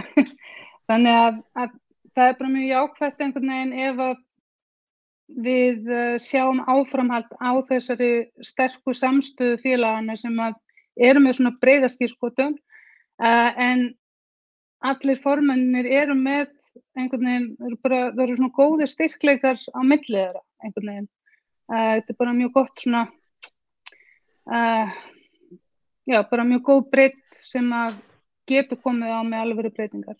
Því að í raun og veru sko þá gerist ekkert á, á þingi, til dæmis í málaflokkunum sem er verið að berjast fyrir. Og við allar breytingar, allar raunverulega breytingar fyrir verkaliðin á landinu hafa alltaf komið frá verkaliðsreifinguna. Mm. Hvað segir um þetta Viljánumur? Hérna, það var þannig að voru í verko sem var í Ragnar og Sola, þú ert á, þú ert svo langt á undan að þú ert, voru kemur fyrst í sjónum sko þegar rognin koma, þannig að þú ert til yfir því, þú ert svona forvor. Hvað, hvernig finnst þér þessi greining hérna Birgittu á mikilvægi verkefnsreifingarnar og þessara breytinga sem eru því að, að hún talar eiginlega um að, að þetta sé framaldið af búsvaldabildingunni og þeim svona hræringu sem voru í kringu það. Er þetta, er þetta hljóma vel? Já, þetta hljómar algjörlega bara eins og, eins og, eins og ég myndi orða þetta sjálfur og, og þú nefndir áðan, Gunnar, að, að ég hefði tekið þátt í baráttunum með uh, Solvögu önnu 2018 og það er alveg hárið ég og mér er það mjög minnistætt til dæmis að, að ég fór með þessi með Solveig Önnu og, og Guðmyndi Baldurssoni e, á fund í, e, í Þóllarsöfn fór, fórum þar, ég, ég hérna, hittuðu þar og svo ég fór með þeim í BS, hérna, hitta hópferðarbílstjór og ég tók virkan þátt í þeirri, þeirri hérna, kostningabarat á sínu tíma. Einmörgu vegna þess að ég taldi svo óbóslega mikilvægt að það erði raunverulega breytingar í íslenskri verkalsefingu Uh, uh, þetta er alveg uh, rétt sem að Birgitta segir að, að þetta var náttúrulega sorglegt á sínu tíma hvernig aðista fórusta alþjóðisambansins var algjörlega farin frá hinnum almenna félagsmanni og, og menn veltaði fyrir sér að fórseti alþjóðisambansins skuli vera púaði niður á á uh, þegar að vera að flytja ræð á fyrsta mæð. Þetta er náttúrulega algjörlega fáhert. Ég vil líka segja það að þegar ég tók við árið 2004 að hafi ég verið í einhverju vafa um, um tilvist uh, stjættarfélaga þá fór svo uh, vafi út um gluggan á mjög skömmun tíma, einfallega vegna þess hver leikurinn gagvart launafólki og atvinnureikanda er óbóðslega ójafn og ég held nákvæma uh, lista yfir öll innheimtumál eh, sem að félagið uh, ræðst í og núna nefnur þessi uppæð frá árinu 2004 1,1 miljardi króna sem að við höfum innheimt vegna kjærasamningsbrota og vangóldina launa og er ég þá ekki að tala um markvildis áhrifin sem að summálinn hafa haft. Ég held að verkefælisvili Akranes sé búið að fara með flest öll fyrirtæki hér á mínu svæði uh, sum hver oft fyrir domstóla til að, til að fylgja eftir, eftir hérna málum sem ágringur hefur komið upp með. Þannig að mikilvægi verkeflisefingarnar er gríðalegt og ég verða að segja það alveg eins og er að ef að menn ná samstýrtu átaki með þessa 120.000 manna uh, reyfinga á bakvið sig, þá held ég að við getum gert alveg ótrúlega hluti uh, til að uh, knýja í gegn hinn ymsu hagsmunamál sem að lúta að alþýðu þessa lands heimilunum og neytundum almennt. Því að þetta afl, ef það fer að stað, þá er rosalega fátt sem að stoppar þetta afl af og Ok. þó að þó, að- lögin Það er það að spyrja þig, vegna þess að þú ert að lýsa því og nú er það bara, þú veist, kannski einn og hálfu tími, þá getur við komist að því hvort að þessi strömmkvör verða, sem þú ert að lýsa, bara, það er bara eiginlega engin takmörk fyrir því hvað þið geti gert. Segðu mér hvað þið ætla að gera. Það er alveg fjölmart, við erum búin að vera berjast fyrir til dæmis því sem að lítur á fjármálakerfinu, uh, þeim okurvöxtum, uh, verðtryggingu, húsnæðisliðnum, öll þessi mál sem skipta íslensk heimili gríðarlega miklu máli og það sem við gerðum í lífstjærasamningnum var nú einfallega þannig að það fylgdi með aðgerðapakki frá stjórnvöldum sem ekki hefur sérst áður uh, við kjærasamningsgerð. Þetta var aðgerðapakki upp á 8-10 miljarda. Uh, við uh, okkur tókst að létta skattbyrðinni á tekjulagsta fólkinu, okkur tókst að ná í gegn hækkun á barnabótum og fjölmörg atriði, ef ég man þetta rétt, þá voru þetta 42 atriði sem við náðum í gegn og fyrir tilstuðlan verkeflisefingarinnar þá held ég að stæðstu sigratnir sem að Íslensk alþýða og heimili hafa fengið í gegnum árun og áratugina er í gegnum verkeflisefinguna. Þið Já, ég, Viljálmi, við veitum það öll hérna, endur við að tala um hvað verkefnisfengin er mikilvæg. Ég er bara, gefur okkur hugmyndurum til, til hvaða hluta ætlið að nota þetta aukna afl ef þið fáið það núna eftir tvo tíma. til dæmis þetta sem ég var að nefna á þann, ég myndi vilja eh, að eh, verkalsefingi myndi beita sér að fullu afli fyrir því að hér er þið settur á lækirnar samfélagsbanki. Ég vil líka við skoðum lífeyrissjóðs kerfið okkar sem á hér orði 6.500 miljardar, þar af eru 4.400 miljardar inn í íslensku hagkerfi sem öskrar á arðsemi daginn út og daginn inn. Ég held að við þurfum að skoða lífeyrissjóðskerfið göngjafilega hvort að það sé í raun og vera refs okkur svo rosalega meðan við erum á vinnumarkaði að við séum í raun og veru barinn sundur og samin, saman til þess að arðsemis markmið e, þeirra fyrirtækja sem að lífeyrissjóður hafa fjárfest í verði fullnægt. Og uh, þetta, þetta eru risastóra spurningar og, og, og risastór hagsmunamál sem að þarna líkja undir en það eru bara fjölmörg atriði sem að sem að verkeflisefingi getur svo sannarlega betur. Ég tala nú ekki um í húsnæðismálum uh, fyrir leyendur, ég menna uh, sko, sjáu bara leigumarkaðin, hann er blóði drifin í raun og veru þar sem að fólk er að- leia fyrir 250 til, og, og upp í rúmlega 300.000 krónur á mánuði. Þetta er, þetta er, þetta er bara vígvöllur sem að ég tel að verkeflisefingi þurfi að vera sams, uh, samtaka í að, að vinna, vinna hérna bug á og, og reyna að koma á hér alvöru leigumarkaði. En til þess að ná þessu breytingum, ertu þá að tala um að þið munu mm, ná fórustu í starfsgrunarsambandinu og alþjóðsambandinu til þess að geta náðu þessu fram? Ég ætla bara að vera algjörlega heiðalegur og segja það bara hér og nú. Já, það er Mm. bara það sem að þarf að gerast og ég tel að þessi hópur sem að hér e, hefur verið til umræðu, ég held að, að, að ef hann næra að stilla strengi sína saman að þá, þá verði þetta hægt. Við höfum e, að mörgu leiti verið jaðarsett í íslenskri verkefnisefingu þrátt fyrir þetta mikla vægi eins og vaffer og, og, og, og, ebling hefur. Við höfum verið jaðarsett þrátt fyrir að Solveig og Ragnar hafa leitt þessi tvö fjölug. Ég held að, að ef við setjumst niður og förum yfir þetta, hvernig viljum við sjá þessa hluti til framtíðar, að þá mun okkur takast að komast að sangumlægin það hvernig, hvernig við ætlum að stilla þessu upp. Mm. Þannig að þið höfðu tækifæri eftir vorið í verku og þið upplifað þannig að þið hafið ekki náði í gegn sem að þið höfðu tó aft til og þið ætla að gera þetta öðru í sig núna. Ég, ég er algjörlega samfærður það að okkur mis- mistókst það. E, það hefur bara mikið gengið á í íslenskri verkefnisefingu og, og það er bara ofta tíðum æði erfitt að vera í fórust í, í, í, í verkefnisefingunni. Ég held að þurfum ekki um að horfa á þessar kostningar núna. Ég, ég hef nú séð ímislegt eh, svona ímsar svona kostningabarátur og annars lítið. Þessi hefur verið alveg æðiskrautleg og þannig að orði komast og þetta kannski fæli fólk frá að taka þátt í þessu en, en ef við vöndum okkur núna og, og förum yfir þessu hluti þá held ég að við getum stilt þessu saman þannig að, að við náum, náum góðum aðrókri. Mm. Ragnar Þór, er þetta, er þetta bara spurning núna á, eftir einn og hálfa tíma? Hvort að, að Ísland bara breytist, það, með, það er bara stemmingin hér.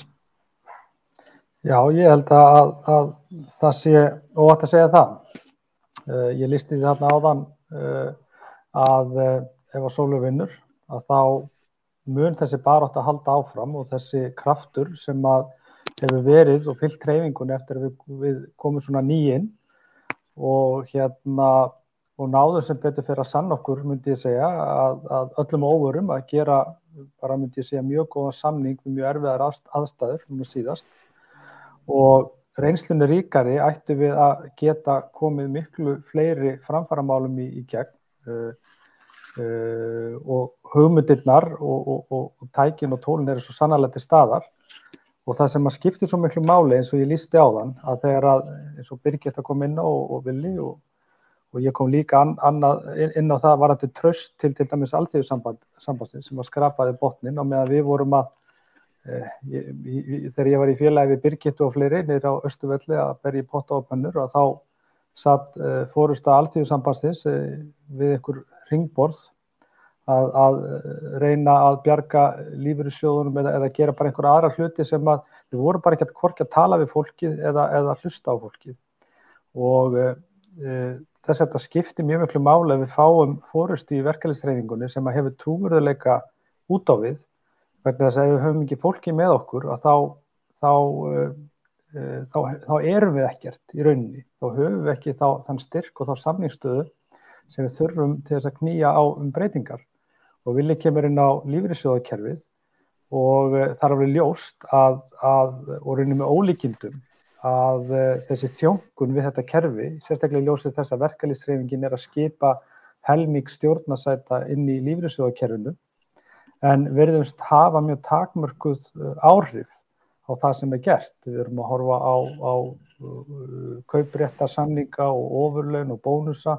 Þeir eru að riðja sér til rúms á nákvæmlega sama tíma og, og, og, sömu fórstjóður að tala um hversu óabyrgar launahækkanur eru til hérna til eh, fólksins á gólfinu, fólksins sem raunverulega skapar aðsemi síðan fyrirtækjana sem eru eh, rauninni alveg uh, í ótrúlega góðri stöðu til þess að geta gert betur við sitt fólk og okkar félagsmenn.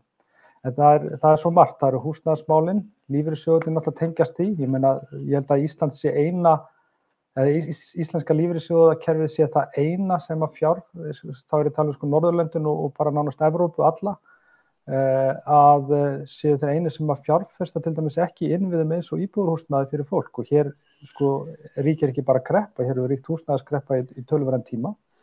Uh, við til dæmis fórum bara á sinu tíma í það þegar almenna leigufélagið var að, að, að hækka leigu á fólk og við bara fórum í bankan og, og, og hóttum að, ég, ég grínaðast nú með það, ég saði við, við kviku á sinu tíma ef þið, ef þið, þið eigið þetta þennan sjóð sem á þetta fyrirtæki, ef þið ætlið ekki að bjóða fólki langtíma samninga og, og komið ekki veg fyrir það, eða drægið þessar hækkanir sem voru tilkynnt að þá tilbaka, að þá fer ég og tek þessar 3,5 miljardar út í 500 köllum hjá okkur. Og þetta er bara tilbúin með hjólpurna. Þú veist að þetta sem að þarf, þú veist, og þetta, og þetta líka, veist, það sem er líka vandamáli í dag, að að, og, og búið sem við fáum við að, að sko, fólk hafði ekkert við erum með kynnslóður af fólki sem hefur ekki farið í verkvöld uh, uh, horfur á það sem eitthvað tabu Vaffer fór í tveggjadaga verkvall eða rúmlega sólarins verkvall það fyrsta í, í, í 30 ára sögu félagsins uh, í aðdraðanda lífskjara samlingarna og, og við, sko, okkar verkefni er, er ekki síður að skapa þessa stjættavitund og þessa stemningu í, hjá þjóðinni vegna þess að þjóðin er lungu búin að gefast upp á stjórnmálunum. Eh, þjóðin er lungu búin að gefast upp á kjörnu fulltrúum sem að lofa öllu fögru og svíkja það jafn harðan eða gera bara jafn vilja anstaða. Herðu, hérna, það hefur komið fram, það hefur komið hérna í upphafi Guðmundur Baldursson og hann er hérna hjá okkur ennþá vegna þess að Solveig Anna er í einhverjum fögnuði síns uh, bjælista og Ólöf líka hjá Alistunum en Guðmundur þarf að vakna snemma í fyrramáli til þess að móka snjó. Þannig að hann hefur dvalið hérna hjá okkur er hans kostingavaka hann ætlaði að fá skjótin eftir spurningu hérna fyrr. Ég vona hans munan ennþá. Ólafur, nei Guðmundur, þú ætlar að spurja eitthvað, það var hérna uppafið þegar við vorum að tala saman hérna, Ólafur og, og var að leggja prófið fyrir Viljálm, þá komstu með einhverja spurningu, hvað er það sem þú vildi spyrja? Já, ég vildi uh, spyrja því en það var gaman hérna að taka að segja frá því að gaman að sjá svona pípuringamenn, ég sér þá ekki orðið lengur en, en það var nú algjör auðvitað. Mér náttúrulega spyrja Villa Eh, vilja þetta ánað með það hvað hérna Sólveig hefur gert fyrir svona kalla eins og mig, svona ófæriðbúrstur eða eh, Þetta er ekki samanlega með því að hún hefur engungu veitt aðtegli eh, aðtegli hvenna, þá sérstaklega erlandra hvenna, hún hefur ekkert hugsað um okkur kallana Já, það eru takk fyrir þessa spurningu Gumi, Guðmundur Jú, ég sko sko ég rætti þetta með þessi sjálfur við Solveig ekkert alls fyrir löngu það sem að hún hefur brunni fyrir það að laga kjör láleina kvenna. Og ég veit og hef heyrt að e, kallastjættinnar eins og hópverðarbílstjórur og fleiri hafa verið svona daldið ósáttur við það að þeir hafa verið daldið skildnir eftir í því. Og, og ég man eftir því þegar ég nefndi þetta við Solveig og þá nefndum það með þeim hætti að þessi hópur sem að hún hefur verið að berjast fyrir þessar láleina konur hafi verið skildnar eftir svo lengi. Þannig að við skulum bara vonast til þess Guðmundur að e, næsta allega verði til dæmis að e, hópferðarbílstjórum því að ég þekki það bara eigin raun og ég hef talað um það og ekki bara hópferðarbílstjóra e, sorgperðiðmenn sem að vinna við skelvilegar aðstæður því þurfum við ekki um að horfa út núna heima hjá ykkur og sjá hvernig tunnurnar eru og þegar að þessir drengir sem að sjáum að taka sorpið frá okkur sem að okkur þykir algjörlega sjálfsagt við þessar aðstæður þá eru þessir menn í mínum huga og ég skrifaði þetta með að segja pistil.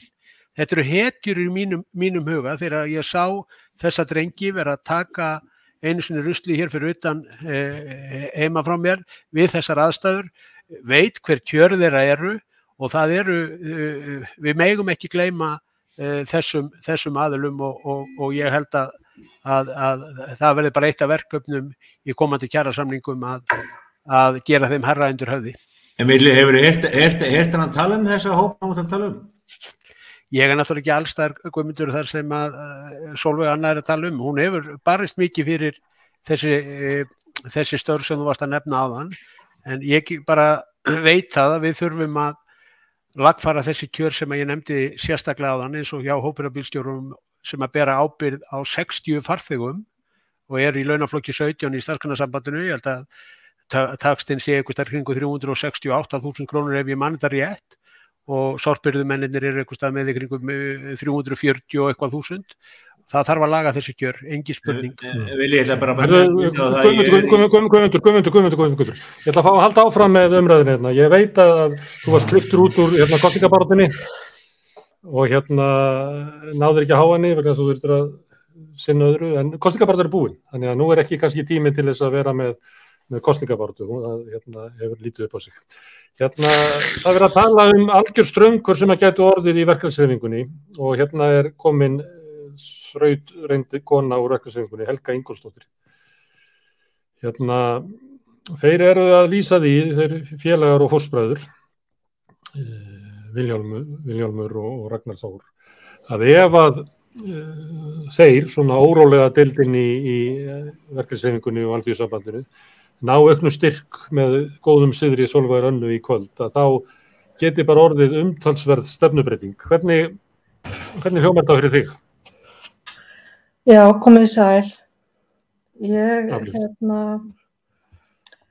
hef tekið þátt í tveimu kærasamlingum eiginlega þremur. Og 2015, nei, fyrir ekki að ég tekið þátt í tveimur, tveimur síðustu. Og þegar við samjum, þarna var ekki 2015, regnar maður þetta nú nákvæmlega, en þá er, neða, það var 2013. Þá voru við að fara með lámasleinin upp í 204.000 og þótti nú bara að vera tölverðar hækkanir. Í lífskjærasamningnum förum við í samningstímanum upp í 425.000 í lámasleinum og þetta er alveg svakalegt afreg. Það er bara ekki hægt að kalla það neinu öðru nafni og ég hef staðið svona vaktina með mínum félögum í Vaffer og ég hef notið tröst til þess að sitja með stjórna þessi fyrir svona þá sem ekki vita og í síðustu samlingum var ég í efnaðs- og skattanemdini þar sem meðal annars, sko, eða Solveig Anna var formaður skattanemdarinnar mm. og við hafðum mikið um að segja þessar tillögur sem fóru síðan inn til ríkistjórnarnda varðandi personafslátt og, og, og þau mál.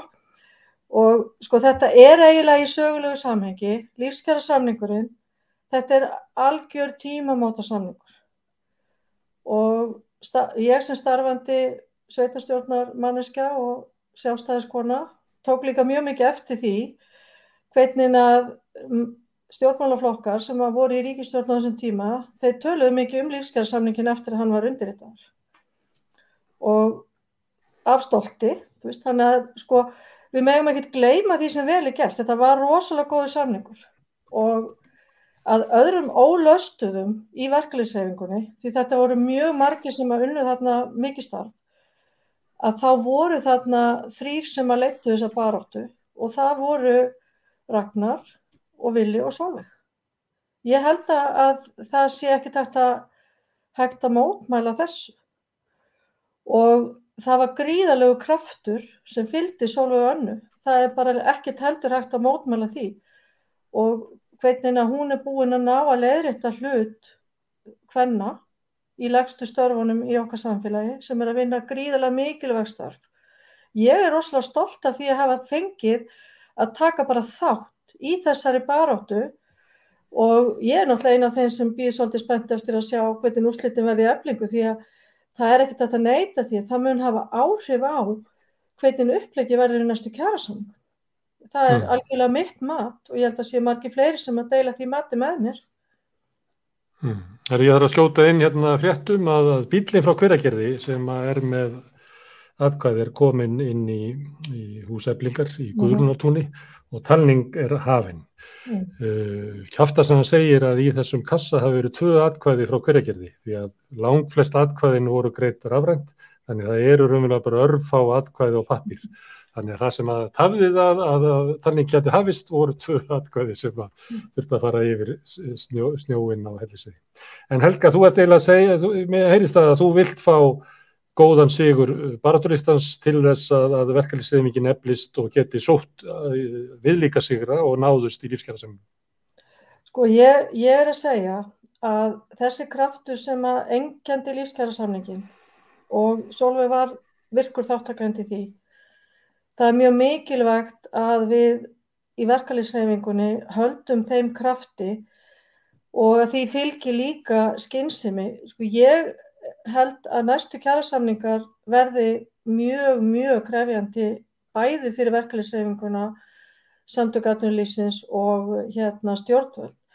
Við erum búin að vera núna með mikið ofinbært fremlag inn í COVID-baratuna Fyrirtækin hafa verið að njóta ímissa stuðningsúræða stjórnvalda og, og hafa líka þurft að grýpa í sína varasjóði alveg öruglega ef ég þekki það rétt og ég er sjálf pappi rak fyrirtæki mörg ár, ég rak sjálf fyrirtæki mörg ár þannig ég þekki þann geira alveg líka ágætlega og þetta verður ekkit auðvelt að koma saman samningum það sem er tekið til til sjónamiða allra og það þarf í það bæði mikinn kraft og líka mikla skynsumi. Þannig að þú veist, og ég held að reynslan, ef allir setja stöðu niður og nota reynsluna og lífskjærasamningunum, þá held ég okkur bara muni farnast vel inn í þessa vegferð. Og við getum alveg glemt að vera eitthvað að tala um eitthvað saleg, tala um eitthvað sem ávið hjá öðrum þjóðum. við erum hér á Íslandi með ákveð umhverfi og því miður og eitt af stóru málunum í næstu samningum verður að skoða kursin í lífrismálunum og skoða kursin sem að við stöndum frammi fyrir vegna þess að ofinbyrri starfsmenn hafa fengið meiri launahækkanir heldur en almennumarkaðurinn. Og þetta er það sem að er eitt af okkar stóru vandamálum og þveru öfugt við þau lönd sem við viljum bera okkur sama við að, að hérna að ofinbyrri markaðurinn skuli leiða launahækkanir. Og þetta er eitthvað sem að sko og svo kemur, svo, svo er, veist, þetta er eitthvað sem að verður að taka alvarlega umræðum, eitt af því. Mörg mál sem við þurfum að ræða af krafti. Mm. Herðu, við hérna förum að skipta aðeins um gýr hérna, en ég ætla aðeins að heyra í þér, Guðbjörg, að það er, hérna kemur Helga Ingolstóttur og talar aftur um þessi sko miklu tímamót í verkefnisefingunni, að það getur fallið í, í menna það að, að fá sólvögu og, og, og með endunærandi kraft í baróttu Viljáns og Ragnars og, og fleiri það eru bara mjög mikilvæg. Ég veit að þú vilt ekki vera að segja það núna kannski klukkutíma áður en að kemur í ljós hver er, hver er formaður eflingar en, en það er mikil alvar í þessu. Og það er líka það sem að heyrið hjá til dæmis Birgit og fleirum. Það er mikið hort til þess að verkefnisreifingin taki einhvern veginn fórustu fyrir svona réttlæti sparatu á Íslandi. Tengir því að kannski er, er fólk að, að, að minni trú á, á stjórnmálum á alþingi og svona hennum borgarlegu stjórnmálum. Það er hort til verkefnisreifingarnar að mikið sem að, að liggur á að verkefnisreifingin nái að verða með samtakamátt og það sem samtakamáttu til einhvers krafts ekki til ekki vera sammálu um að viðhalda stöðuleik og breyta ástandi. Hvað, þessi óróleik er allt í kringu þig. Já, já, hann er hérna út um allt. Ég, ég neita nú að trúa því að þessi kraftmiklu hópur hérna sem, hann, sem að Vilhjálmur var að tala um örgla Ragnar líka, allir bara eitthvað að setjast á hliðalínuna og, og, og setja þar. Ég hef einhvern veginn enga trú á því, sko. En það er bara klárt mál að, að við þurfum að vinna saman og... og Já, en Guðbjörg, það sem ég, ég skilði að segja er að ef að Solveig vinnur ekki, að þá er til dæmis það að, að, að vinna með starfsgrænsambandinu, vinna með ASI, er allt í nöðu ekki árið valkostir og þeir þurfa að fara að finna bara einhverja nýjar leiðir í baróttu eins og Ragnar var svo sem að taka dæmi af. Já, ég vona samt að það fari ekki þannig. Ég, hérna, mm. Það er alveg, alveg ljóst og vita mála við erum náttúrulega sterkari saminu heldur en við erum í sikkur í lægi.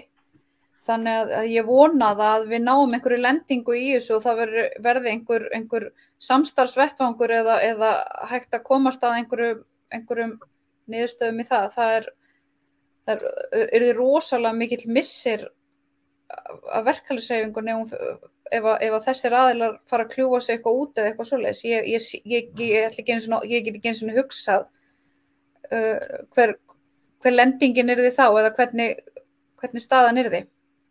Mm. Jæja, Ólafur, nú erum við búin að fara svona ring, hvað er hérna, þú voru að draga þetta sama fyrir okkur, hvað er hérna, hver staðan er, kannski var ég frist að spyrja þig hvort þú geti vísa til eitthvað sögunar, ég ætla nefnilega að skipta aðeins yfir í svona að horfa aftur og baka eftir hérna, rétt, rétt bráðum, hvað er verkefnisleifingin á svona afgerandi tímamótum, kannski meiri heldur um síðan lengi? Getur þú fært aðeins nær það sem að hátalarinn er?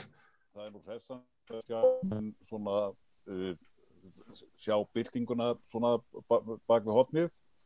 Uh, ég er alveg sammála því að verðlinsefingin skiptir mjög miklu máli. En uh, það er líka kannski ástæða til sem úrtölum aður að, að, að íkja ekki þau áhrif sem að verðlinsefingin getur haft og hefur haft bæði hér á landi og, og erlendins menn geta talað ítlum stjórnmálamenn og þingið, en samt er það nú þingið sem að setur lögjöfuna um, meðal annars um, um fjölmörg félagsli réttindi í launafólks í landinu. Þannig að, að uh, ég veit ekki þó að menn setjist á því meiri kraft kannski í, í verklingsefinguna, hvort að hversu miklum uh, árangri varðandi þjóðfélagsgerðina Uh, verklingshefingi getur náð án þess að vera með þá uh, öflugt bandalag við, við einhver pólitísku öfli í, í þinginu og mér finnst svolítið áhugavert að velta aðeins fyrir sér hvað uh, þessi nýja reyfing eða uh, þessi herska og róttæku uh, hvað þeir eiginlega sjá fyrir sér um hvert við erum í rauninni að stefna. Erum við að stefna að samfélagi sem að er í aðalatriðum byggt upp eins og til dæmis samfélagin í Skandinavíu eða erum við að tala um eitthvað annað ég held að það sé líka mikilvægt að velta fyrir sér þegar að menn er að tala um, um hérna e, hlut e, launafólks. Erum menn að tala um e, hvernig skipta hlutföllin erum millir launafólks í held í landinu og, og þá burgeisanna eða, eða einhver annara sem að ég er nú ekki vissum að sé mjög líklegt að breytist mjög mikið eða erum en að tala um uh, sérstaklega um þá hópa sem að standa lakast í samfélaginu, erum með verstu kjörin e, vegna, og þetta síðara skiptir velugum máli vegna þess að ef við erum fyrst og fremst að tala um, sé, þá, um lálaunahópana og þá sem að standa höllustum fæti, þá er baráttan ekki bara við ríkisvaldið og atvinnureikendur. Þetta er líka barátta um hvernig skipta hlutföllin eiga að vera milli launamanna, milli ofinbera gerans og enga gerans eins og hérna var nefnt, en líka milli þeirra sem að lögust hafa kjörin og þeirra sem eru dálítið þar fyrir ofan og við höfum náttúrulega oft séð það að þegar það á að laga kjörin hjá þeim sem að vestanda að þá verða mér ekkit rosalega gladir sem að eru kannski aðeins ofar í steganum og þetta síðara í, í rauninni ítir þá undir baráttu ekki bara við, við atvinnureikendur, heldur í rauninni líka átök innan samtaka launafólks. Herðu, hérna ég ætla aðeins að skipta núna um gýr og ég þakka Viljónu Birgisinni og, og Guðbjörgu og Ragnari Þór og Helgu kjalla fyrir mig að þið væntuðu kæmið hérna aftur bara þegar hérna úslitin líka fyrir En núna langar mig að heyra aðeins í kannski fólkinu sem að hefur tekið þátt í baráttunni áður en að ég skipti aðeins yfir í smá svona sagfræði. Ég, ég held að hér sé komin hérna Þorleifur Jón Reyðarsson. Og hvernig heyrðu um mér? Já, ég heyri bara mjög vel í þér alveg, mjög. Ja, æsileg. Segðu mér hérna, þú hefur tekið þátt í kostingabaráttunni fyrir A-listan. Já, ég er búin að vera... Hvernig reynsla var það? Þetta Hvernig reynst það það? Þetta er miklu skemmtilega en ég átti von á. Já. Og, og hefur bara komið mér á óvart sko í raun og veru. Já. Og hér er líka Kolbrún Valversdóttir sem hefur tíð ekki þátt í kostningabaráttunni fyrir bielistan. Vertu, komdu sæl Kolbrún? Sælir. He heyrir í mér? Já, blessu. Vel, er, er, er, er það búið að vera skemmtilega kostningabarátta? Þetta er bara búið að vera Byrju, ég var að spyrja Kolbrúnu, þannig ég er með ykkur bæði, þetta er með ykkur bæði í einu. Kolbrúnu, var þetta verið búið að vera skemmtilega kostingabáta? Það má segja að hún hafi verið sérstök, mjög sérstök.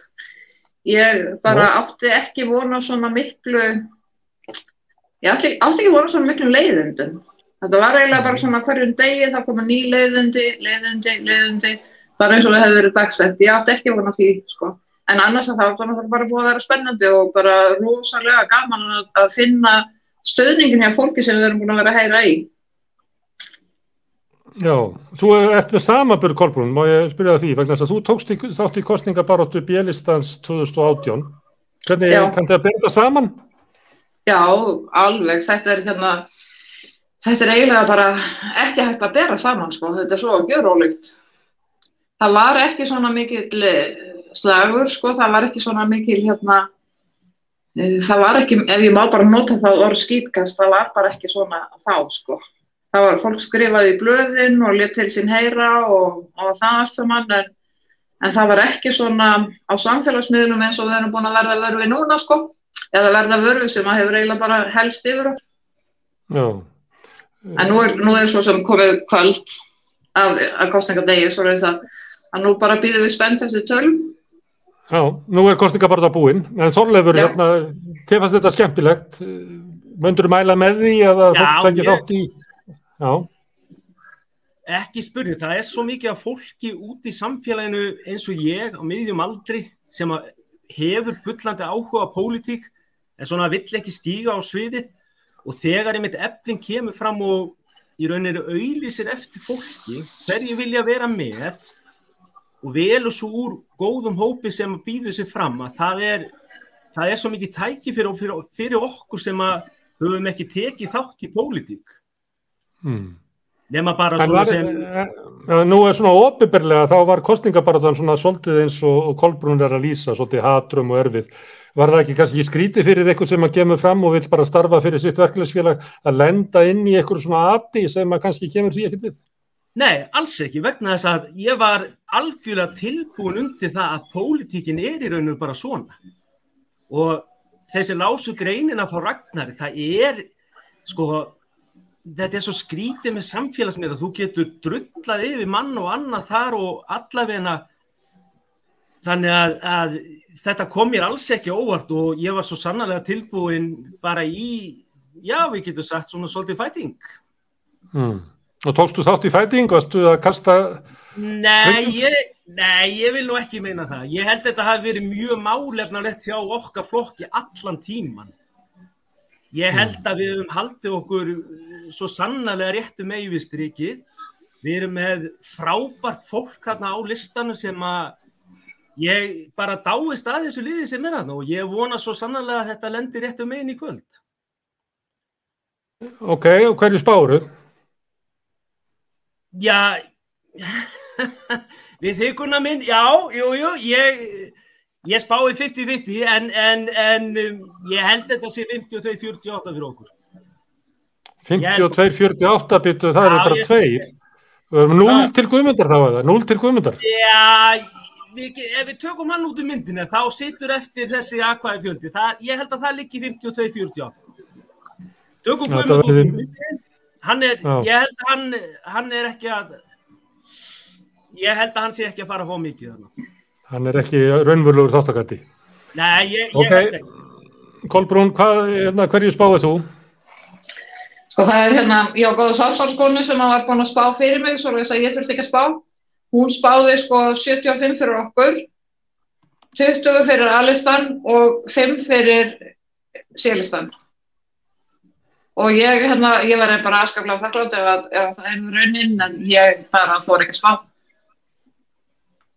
Já. Veitu, ég náðu sér ekki alveg, hvernig, hvernig var það? 75? Já, það er 75 sem að spá fyrir-. Fyrir. B, já, 20 fyrir A og 5 fyrir, fyrir C. Ok, þannig að þú ert að spá bara glæsilugum sigri, næstu því bara eins og 2018. Ég segi sko, þetta er samstarfskona mín sem að spáði svona. Ég þóra ekki að spá. sko. Nei, allt í lagi. Var hún Þetta mikið sko- spáður? Sko málið er, málið er að, að kostningasigur Bélistans 2018 er stæðsti kostningasigur í sögu dagsbrúnar. Það er- var hérna árum, árum áður var oft frambóð en það náði engin 80% atkvæði eins og Bélisti náði þá. En hérna er, held ég að sé komin hérna einn af stunningsmönnum sélista sem að þeir eru nú ekki að spá hérna góðri útrið, það er nú slögt á myndaflinn hjá henni, Sigurður Há Einarsson heyrir í mér. Nei, hann er eitthvað meginn á leiðinni. Herðu, þannig að ég ætla nú bara að, að skila kveðju til A-lista og B-lista og vona að við eigi skemmtilega kostingavöku. Uh, Oddvitar ykkar koma hingað í, í þáttinn þegar úrslitin líka fyrir og þá hérna kemur í ljós hvort ykkar spáir, spáir rétt eða hvort að Þorleifur spáir rétt og vinkona kollu sem að við veitum ekki hver er. Það verður upplýst um hana ef, að- ef þetta verður rétt hjá henni. Ok. Herðu, við ekki kaldan á, Gunnar, tökum við ekki kaldan á Ölver ef að, ef að, ef að ég spái rétt?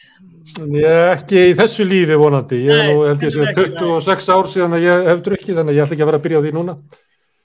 Uh, Ég sé ekki hvort að Sigurður er komin hérna inn. Nei, ég sé hann ekki. Þannig að það er eitthvað vandræði með það. Þannig að hann kemur þá bara í ljós. En núna ætla ég að því ég nefndi kostningar. Að þá er hérna Jóhannes Jóhannes, þú ert hérna ekki, Jóhannes Sigursvinsson eða hérna, þetta tengja hann hérna inn, blessaður. Heyrir í mér? Í mér eða? Já, ég heyri þér. Í mér eða? Þú þetta segja eitthvað meira? Já, þú heyrir þú í mér? Jóhannes? Ég veit ekki hvort að Jóhannes heyri í mér.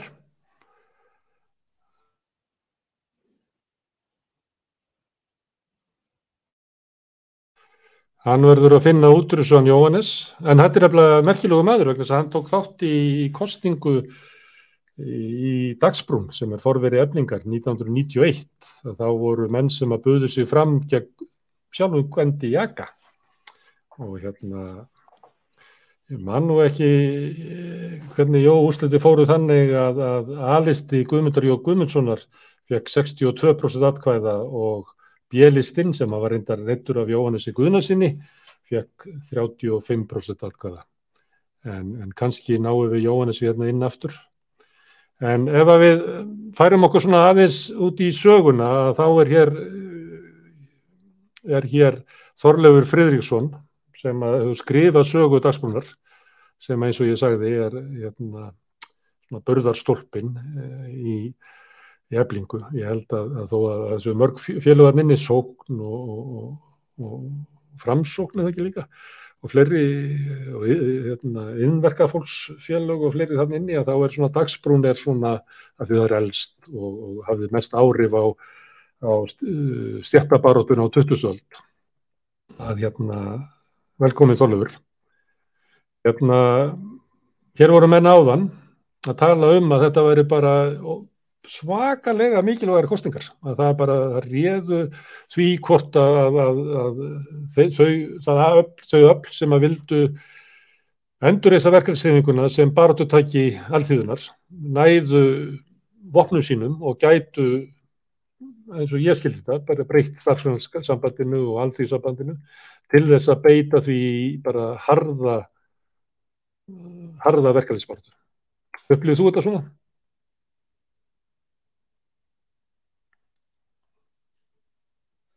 Það er ekki hljóð á. Það er ekki hljóð á. Ég veit ekki hvort að það sé á tölvinni hjá Þorlefi. Passar, það passar. Ég tók, var búin að taka það af. Já, já. Nú ertu komin inn. Það var einn góður. Um, nei, ég uh, vildi nú uh, kannski frekarinn að vera að segja eitthvað sjálfur hérna. Þetta er búið að vera svo aðtiklisverðar umræður að ég hefði gætna vilja bara hlusta áfram. Nú? Uh, En þú kennst ekki hjá því að svara þessu. Upplifur þetta mikilvægar kostningar? Ég, auðvitað er þetta mikilvægar kostningar. Auðvitað er alltaf þegar átök eru í verkalýs reyfingunni um uh, greinilegan skoðanágrinning uh, að þá er, uh, þá er það mikilvægt. Það, það skiptir máli.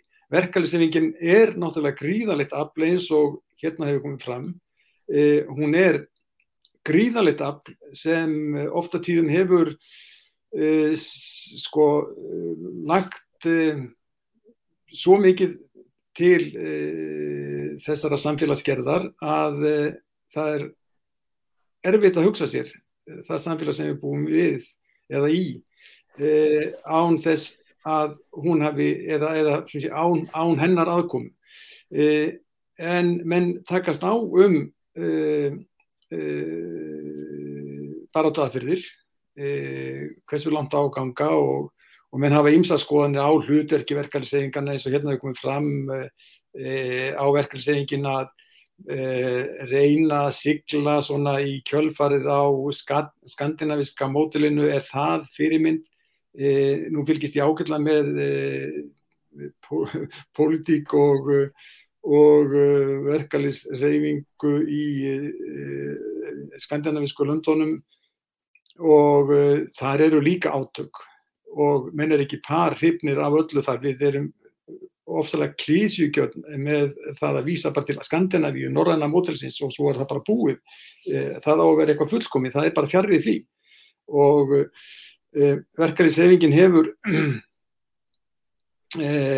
sannarlega alltaf uh, uh, verið sko mikilvæg í lífi þess fólks sem á allt undir henni eða uh, er hluti af henni. Og uh, það er þá og, og, og þá er ekki uh, skiptir ekki máli hva, hverjir það eru sem þarna hafa sittið uh, við stjórn menn hafa sennilega allir uh, reynd að gera sitt besta en eh, svo er spurning hins vegar hversu, hversu uh, greið var svo leið og, og, og hversu skinsamleg var uh, svo leið á þeim tíma sem menn, menn fóru. En menn, menn hafa líka verið að, að eins og ég hef séð í, í sögunni og, og reynd að, að benda á í þessum skrifum mínum og ég er reyndar ekki búin að skrifa alla sögudagsbrunar, hún er, e, það er svona þriðjungur minnst águst eftir. E, ég, Það ræ- ræðst kannski af, af kostningunum hver verður formaður hvort að verið samið um að skrifa síðasta bitið. Nei, nei, ég, ég vonandi geti það nú ekki máli, sko. Ég vona að ég uh, fái bara ljúka henni ja, því að þetta er held ég verk sem svona fólk er sæmilega sátt við og, og það er eiginlega sama úr hvaða flokki það er. Og hérna hefur verið fólk uh, hjá þér núna úr, úr greinlega ýmsum flokkum og öllum flokkum uh, ge- sennilega en, en, en, en, allir tala af mikill skinnsemi hérna. Og, og það er það sem skiptir öllu máli sko. við, við getum verið e, ósamála en hins vegar er verkefnisefingin hún, e, og það er það sem ég vildi kannski segja e, sko menn tak, hérna takast á svona hugsanlega þeir sem vilja fara heldur hraðar en aðrir í breytingar þá er spurning hvaða breytingar e, það, það er náttúrulega gríðarlega mörg verk að vinna e, í þessu samfélagi ef að við viljum halda áfram á þeirri uppbyggingarleið sem verkarisefingin hefur fetað þó að það hefur verið skrikkjótt alveg frá upphafi. Við sjáum í, e, e, í þessari sögu verkariseifingarnar hvernig e, hún er að hreyfa málum eins og til dæmis veikindatryggingum eða, eða hérna, einhvers konar, konar tryggingum, atvinnleysistryggingum. Eh, það líða ég vil ára eh, frá því að málun er heift eh, þar til eh, það næst fram. Eh, og í dag þá stöndum við nú fram með fyrir til dæmis tiltöla lifandi sögu sem við höfum nú verið að horfa hérna í sjónvarpinu um, um kvotamálið og, og skipningu þess. Eh, við höfum verið að takast á um eign, eignarétt á, á lífriðsjóðum, hvernig eh, á að, að eh, höndla það.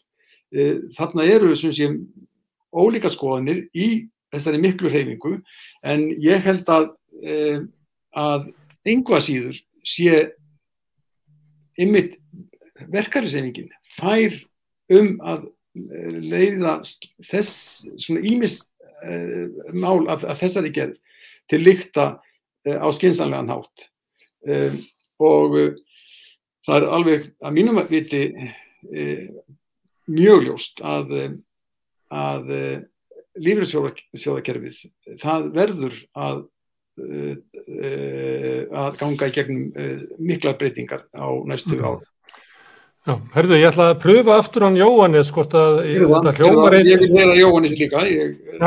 Jóhannes, ég ég held að vandamálið sé hérna veik nettenging hjá þér, þannig að ég ætla aðeins að fá að heyra í þér.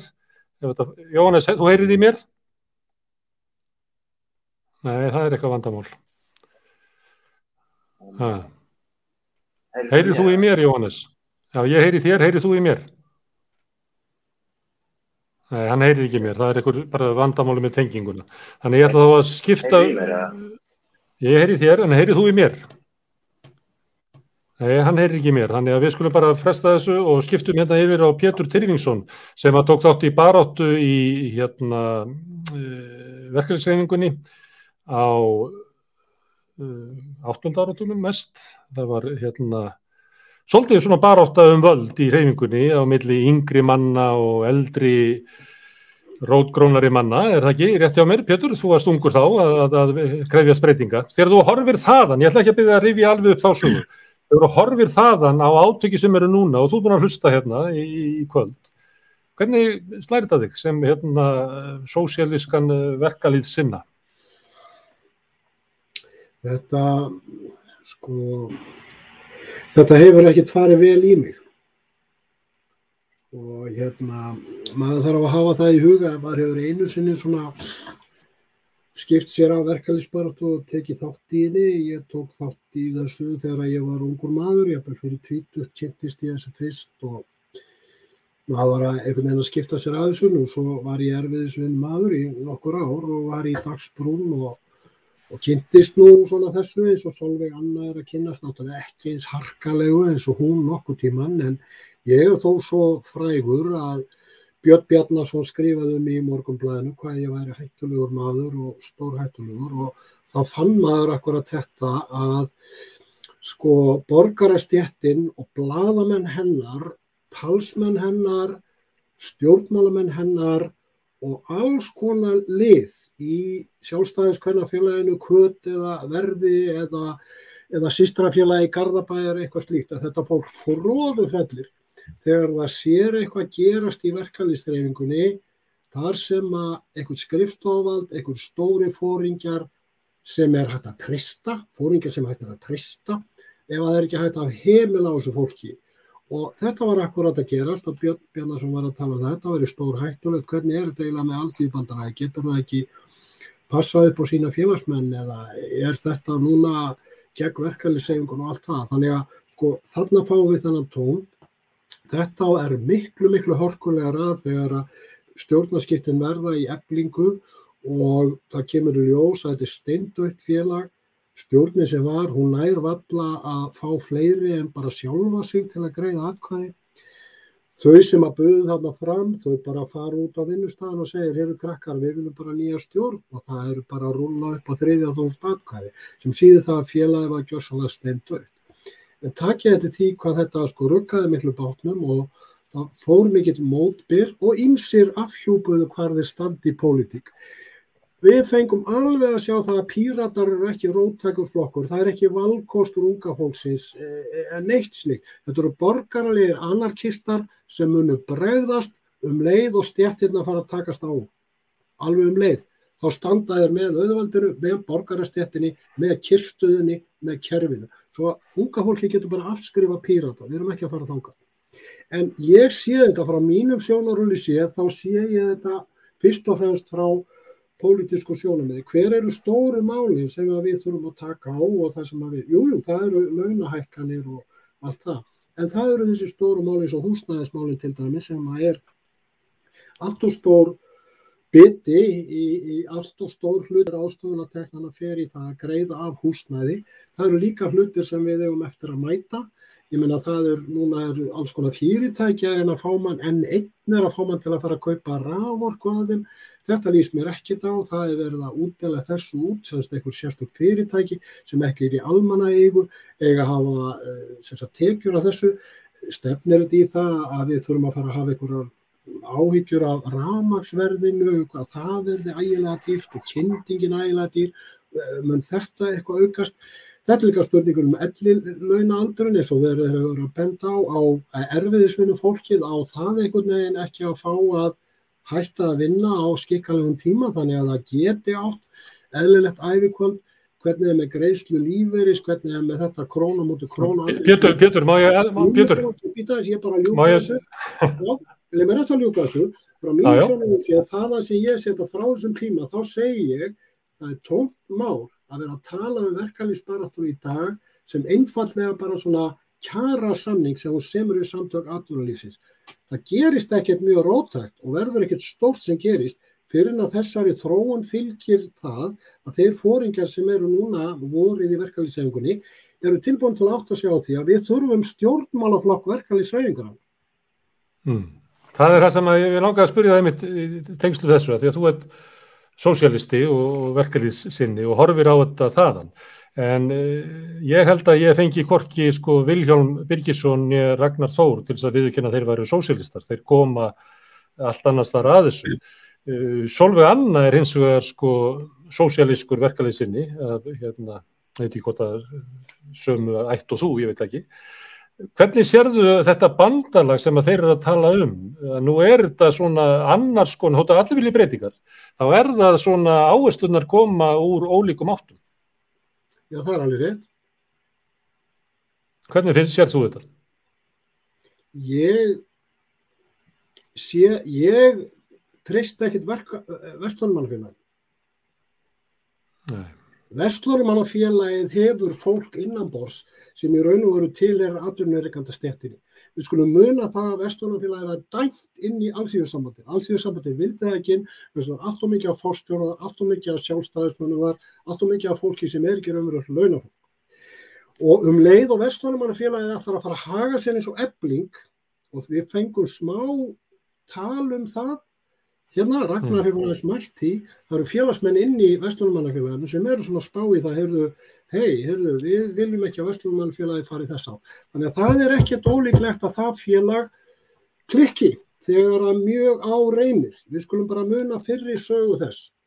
Okay. En, en Björn, er ekki síðustu kostning, formannskostningarna sem Ragnar fór í gegnum síðast, Já. voru kannski um þetta ákveðat?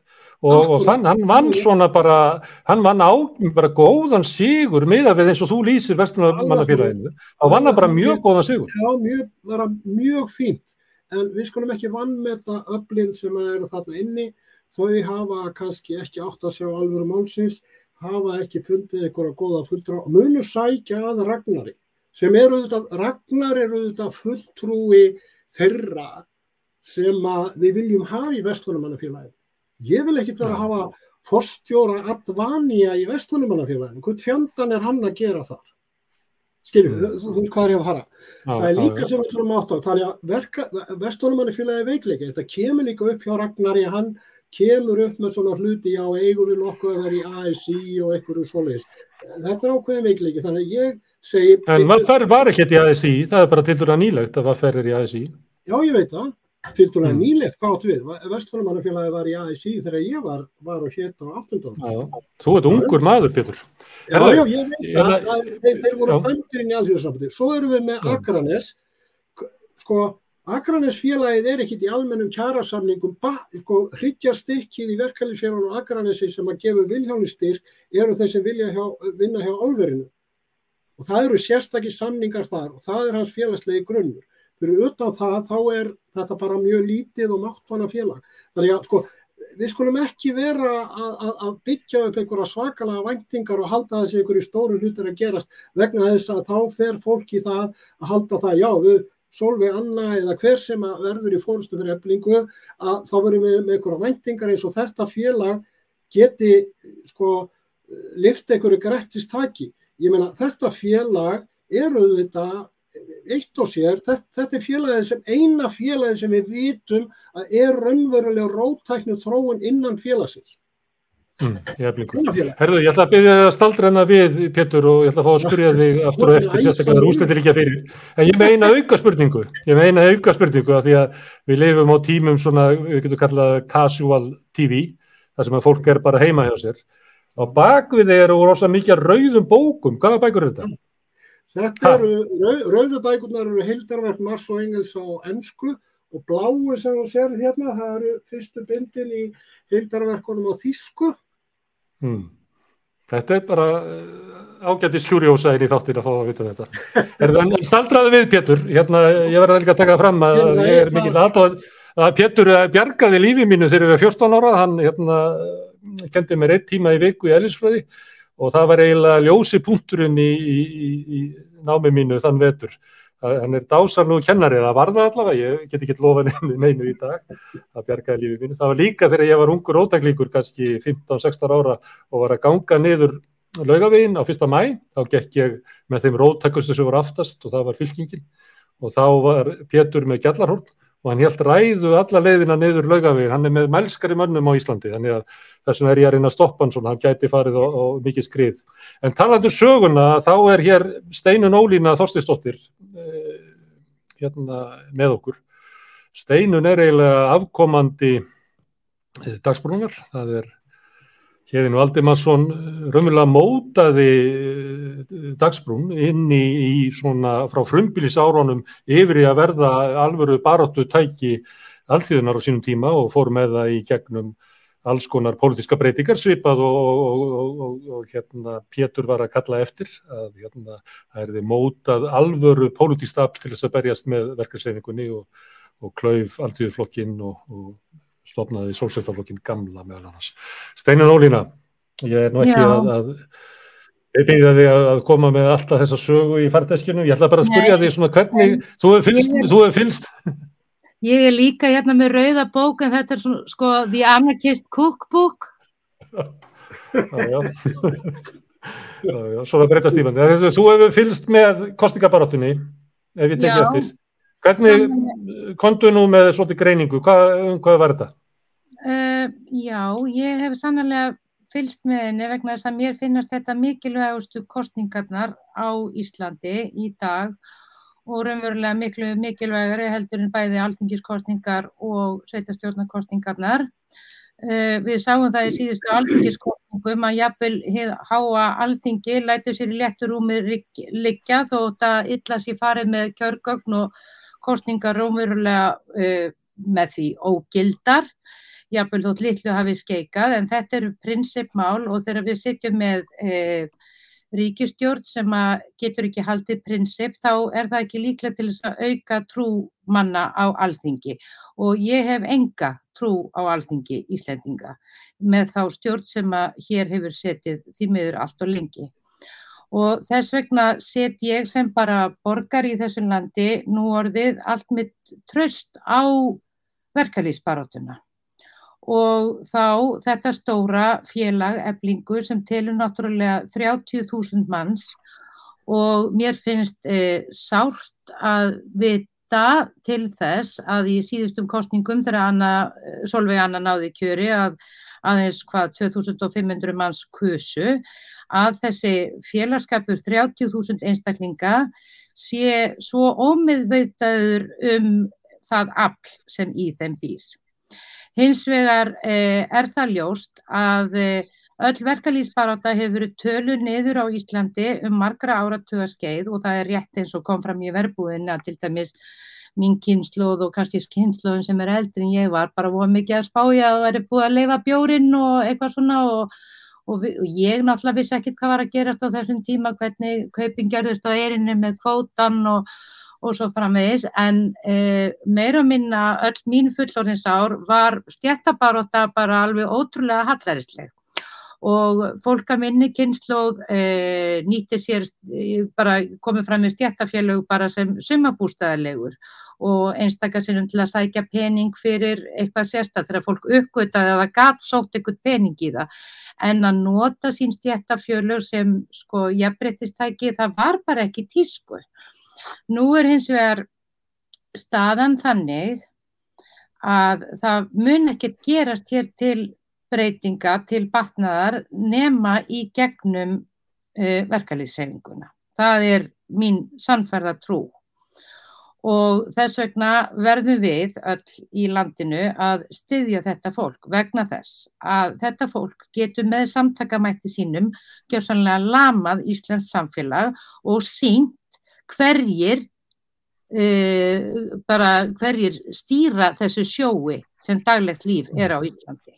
Hvað er völdin liggja eins og sagt var í? Hvar völdin, Hvar völdin liggja?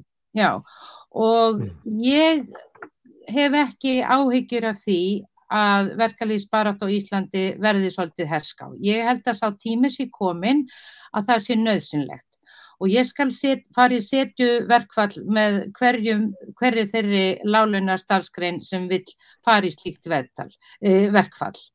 Og ég held að eh, eh, nái við, eða nái núna til dæmis fóristæðablingar mannesku í, í formannsæti sem treysti sér í slíkan slag, þá séum við auðvitað að sjá fram á uh, vonandi mikil átök í verkalýsbaróttinu.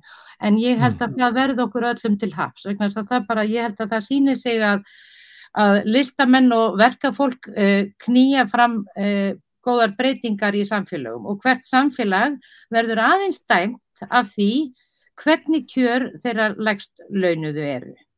Og nú veit ég að því ég bý með manni sem er búin að búa hálf lífið í Nóri að til dæmis eh, e, verkafólk í Nóri, e, þar getur vísitölu fjölskyldan lifaða einum launum fullorðina manna. Þar virkar þessi hugmyndum sósjaldemokratíu eða hvað við viljum kalla hana, bara mannúðlega stefnu, þar sem að e, allir vita að e, einn aðeinli þarf hugsanlega að vera börn, annar aðeilin getur vext og svo framvegis og framvegis og þess að duga ein mánadarlaun og þá geta líka báðir aðeilar unnið ef það er eitthvað keppi keppli að eignast peninga en það gleymist oft að það er bara ekkit áhuga mál allra að eignast peninga. Sumir vilja bara hafa nóg til nýfs og skeiðar og það er þeim nóg. Hins vegar búum við í landi þar sem að verðmæta matið er allt byggt á fjárhagsegn og þess vegna Mm. líður hér mörgum svo illa vegna þess að það er sífælt verið að telja okkur trúum að við getum ekki verið ánægð nema við eigum nóga peningum en eins og allir vita þá snýst hamingjan alls ekki um það. Mm. En uh, Steinun, þú lýsir svona ástandi þar sem að verkefælsreifingin var bara eh, litið á hana sem uh, suma bústæðarlegu og, og svo ert að lýsa að það þurfi að nýta þetta tæki til raunverulega baróttu og þetta lýsa hvert á að fara. En eh, nú er það anskotunum erfiður að ganga inn í svona gælt, uh, gælt, gæltastofnun eða félag og breyta því og Mhm. ég meina, þú ert að tala um verkafólk og listafólk og getur bara ímyndað þér að, að ef þetta væru leikhús sem hefði ekki verið með almennlega síningu í 30 ár að það er, það er erfitt fyrir leikússtjóra að lappa þar inn og, og breyta ykkur. Hvað hérna, enda eitt er að vilja sko, en, en, en, en telur að, að, að þetta fólk sem er þá Mm. líklega Solveig, Viljónumur, Ragnar og, og félagar Mhm. geti breytt verkefnisleifingunni þannig að hún verði raunverulegt baratutæki, rótækt baratutæki fyrir alltíðina. E, ég held að þau séu okkar eina von og við verðum að trúa þau. Og þessi kostningabaráttur er náttúrulega búin að vera gjörsamlega kostuleg vegna þess að hún hefur ekki snúist um hagsmunni fólk sem er í eblingu, heldur hún hefur snúist um einhvers konar stríðisástand inn á þessari skrifstofu eblingar. Það er nú bara þannig að ebling var bara ekkert í umræðinu eða uh, skjólstæðingar eblingar fyrir en að Solveig Anna verður þarna formaður 2018 og uh, ég veit ekki, uh, ég, nú er ég bara að segja hvernig ég upplifði þetta. Ég fylgdist ekkert með málum eblingar fyrir að Solveig Anna kemur þarna inn. Og það virðist vera að þarna hafi bara verið uh, skrifstofa, vel rekin skrifstofa með fullt af vel launuðum einstaklingum og uh, þegar hún hafi komið þarna inn og fyrir að taka til hendinni og fyrir virkilega að vinna í hlutunum að það hafi bara komið einhvern veginn illa við starfsfólki sem var þarna fyrir.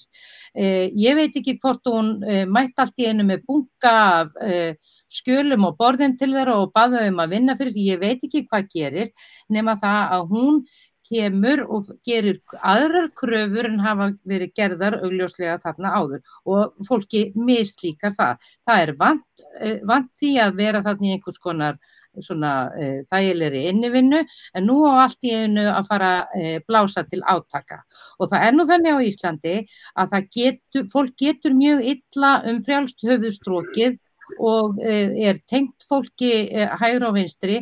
Ég til dæmis uh, með það hvernig ég tjáu mig, þá er ég heppin að vera leikara því ef þið menta mig til einhvers annars þá fengi ég sennilega hverki vinnu á Íslandi. Það er nú bara þannig. En uh, uh, það hefur afskaplega lítil uh, fókus verið á, á sagt, það sem Solveig þó reyndi og hvað henni tókst þegar hún var formaður síðast og öll umræðan snúist um uh, uh, einhverja ofbeldisumræðu sem eru auðvitað lituð á þeirri ofbeldis og fornarlampa umræðu sem hefur litað allt Íslands samfélag.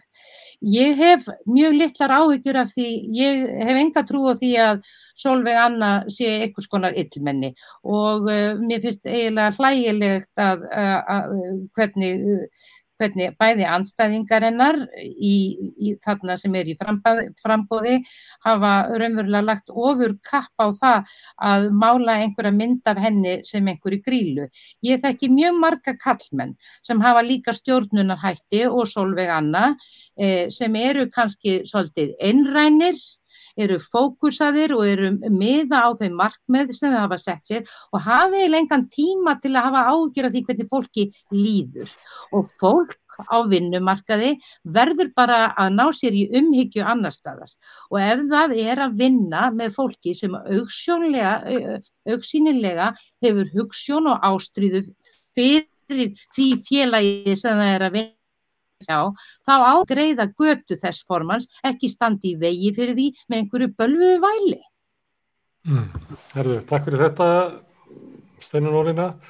Það er eftir því sem að uh, talningafólk segir að það er svona 20, kannski 30 mínútur í hérna fyrstu tölur en við þekkjum að það getur dreigist aðeins hérna Ég ætla aðeins að hérna, menda mínu hvaði kross og hérna, hérna er hjá okkur Agnieszka Sokolovska sem er frá Pólandi. Hún er ekki í eblingu eftir því sem ég er best veit en um, málið er það að yfir helmingurinn af félagsmönnum í eblingu eru innflýtlendur og af þeim er langstæsti hlutur hérna, pólverjar. Og það er svolítið munur á hérna kostningunum núna og var 2018 að þá það verið að tala hérna um að efningsið 35.000 manna félag og svona margi kusu en þá voru bara 16.000 á kjörskrá. Nú eru mun flerri á kjörskrá og ástæðan er svo að fólk sem er búin að vera hér í skamman tíma er á kjörskrá núna en, en svo var ekki 2018. En allavega þá er, hérna, ég veit ekki, það er ekki verið gefið út hversu stór hluti þeirra sem eru með kostningarétt eru innflýtendur eða hólverar, en það er mjög stór hluti. Ég tók þátt í svona undirbúninginum að frambáðinu 2018 og maður lærði það svolítið á leiðinni að hvað kostningar í verkefliðsfélögum eru mikilvæg fyrir innflýtendur því að margir þeirra hafa ekki, er ekki ríkisborgarétt og það er ekki kostningarétt til alltingis og þú þarfst að hafa búið hér samflitt í fimm ár uh, til þess að hafa kostningarétt í sveitafélaginu og það þýðir að ef þú ferði á vertið í heimalandinu eitt sumar að þá byrjar að telja aftur þannig að, að, að það er, þú ætti að vera hér samflitt til þess að, að fá að kjósa hérna eða þú ætti ekki ríkisborgarétt. En í verkefnisfélaginu að þá ertu með kostningarétt og mér langar að spyrja þig hérna Agnieszka í Þessar kostningar, eru þar mikilvægar, myndur þú segja það, á þess að ég get gert ráð fyrir því að þú svarir fyrir allt pólska samfélagið, en eru þessar kostningar sagt, mikilvægar fyrir pólveri á Íslandi? Já, komið sæl. Uh, já, ég myndi segja það. Það er mjög mikilvægar og uh, já, sem sagt, þú var búinn að nefna að ég sé ekki félagsmaður í eflingu en samt ég er búinn að fylgjast með og skipta sér í þessu mjög mikið bara út af því að það sem er að gerast í öflingu og er búinn að gerast undanfarið uh, hefur mikil áhrif á samfélagið og hefur mikil áhrif líka á hérna, hínu styrtarfélag og ég myndi segja að það er svona fordæmi fyrir uh, öll vonandi verður fordæmi fyrir öll stittarfélag á landinu. Uh, þannig að já, ég, ég er nokkuð búinn að fylgjast með og hvetja bólverja til að taka þátt í þessum hmm. kostingum uh, hmm. bara sem mest. Hmm. Af hverju, hverju eru það mikilvægir kostingallar? Þú varst búinn að nefna það. Það Jó, er bara uh, mjög oft það eina leið fyrir innflytjenda uh, að tjá sig og hafa áhrif mm. á eitthvað mm. sem tengist politíkunni hér á Íslandi og uh, já og pólverið mm. eru pínu svona sérstakir þegar það kemur til kostninga þannig að já það líka það er mikilvægt út af það sést þú veist, áhrif mm. eh, hérna, félagsmanna í eflingu er bara sinnilegt mm. og, og innflyttinur geta sést það hvað, hvað hafi komið út mm. því. En nú var Agnieszka Eva eh, Sjálkovska, hún var varaformaður og svo varð hún formaður þegar hérna, Solveig sagði af sér. Er það eh, mikilvægt fyrir pólska samfélagið að, að, að, að pólskur inflytjandi sé að stýra svona stóru öflugu verkefnsfélagi. Hefur þú kannski, ef ég má spyrja, hefur þú viljað sjá hana kannski vera í formansefni að bjóða sér fram? persónlega? Já, Já, ég persónulega. myndi vilja sjá það, já. Ég þekki Agnieszku og uh, þetta skipti okkur rosalega miklu máli að Mm. uh, hérna frambóð uh, til stjórnar endurspegli svona hvernig félagsmenn eblingar eru í raun og veru Mm. hvers konar hópar eru að mynda það þannig að eh, þetta var eins og ég tók eftir á samfélagsmiðlum uh, og sérstaklega í einum Facebook hópnum pólverja sem eru hérna yfir 20.000 medlimir í.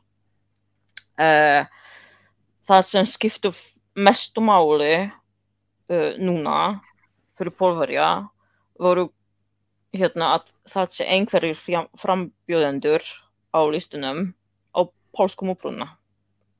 Mm. og þetta var uh, því miður bara á A-listanum. Þannig að ég myndi giska það að helstu pólverja sem tóku þátt í kostingunum uh, já, ákveðu bara að kjósa A-listan Mm.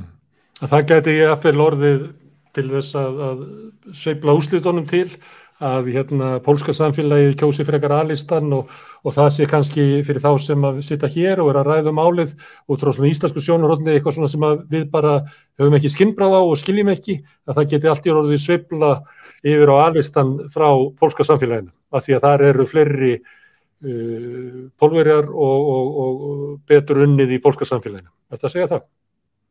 já, uh, þetta fer bara einungis eftir þáttöku ég myndi Já. segja já. þannig að það En þau kemur bara ljós bráðum Já, já. Því miður þá hefur uh, tanningamenn ekki vilja gefa út uh, kostningaþáttöku. Það hefði verið hægt að sjá það á leiðinni, þannig við höfum ekki hugmyndu það. Það getur verið, það væri 2000 mann sem að kussu, það getur verið 2000, við höfum bara ekki hugmynd Mm. eins og komið er. Og það koma í ljós og eftir og, og þá er einmitt mjög forverðilegt að rýna í kostningaþáttökuna og bera hana saman við hérna, hvernig hún var áður. Herðu, Agnieszka, ég þakka þér fyrir innlitið. Uh, Takk þú mátt fyrir. aldrei hérna við og kannski ræðum við saman þegar úrslitir líka fyrir, ef þau líka fyrir eftir 20 minnur svo. En hérna er alls konar fólk, hérna er til dæmis uh, Guðmundur Hrafn Argrímsson sem að er í ný enduristum uh, leyendasamtökum, samtökum leyenda á Íslandi. Blessaði Guðmundur. Blessaður. Herðu, þessi úrslit, skiptaðu máli fyrir baráttu leyenda eða eru leyendur hérna bara áhuga samir um að vinna með eblingu sama hver sigrar? Já, að sjálfsögðu mun þessu úrslit skipta einhver máli fyrir hagsmunni leyenda. Mér heyrist hún samt sem áður á öllum frambjóðandum eða frá frambjóðandum sem þryggja frambóða að uh, húsnæðismáli munu vera sett á oddinn í komandi kjara viðræðum og, og svona almennt í hagsmunnabaratu félagsmanna eblingar. Þannig að ég á vona því að, að hérna, þetta verði ofalega á, á hérna, í umræðinu hjá, hjá leiðtogum verkefærsfélagana og ég heyri það bara hjá leiðtugum hinna verkefærsfélagana. Þetta er svona það sem maður mun kannski steita á í komandi kjærasamningum, hvernig verður um, með fastegnamarkaðin og húsnæðarsmarkaðin. Já, þannig að þú ert ekki að, að leggja dóma það hver munu sigra Nei. Þetta er náttúrulega ekki kostingar, þetta eru stjórnarkjöfskostingar. En ég var vissum og- það að, að húsnæðismál verði eh, hérna ofalega. Kíktur á, ef ég má spyrja, á hérna áherslur þessara ólíku lista á húsnæðismál. Voruðu öll bara með húsnæðismál mjög ofalega? Sko ég las ekki neitt uh, til um stefnumál flokkan en það var bara það sem ég las í blöðunum og, og, svona, og hlustaði eftir þessu orðræði og horfði á kappræður sjónvarpinu og svona.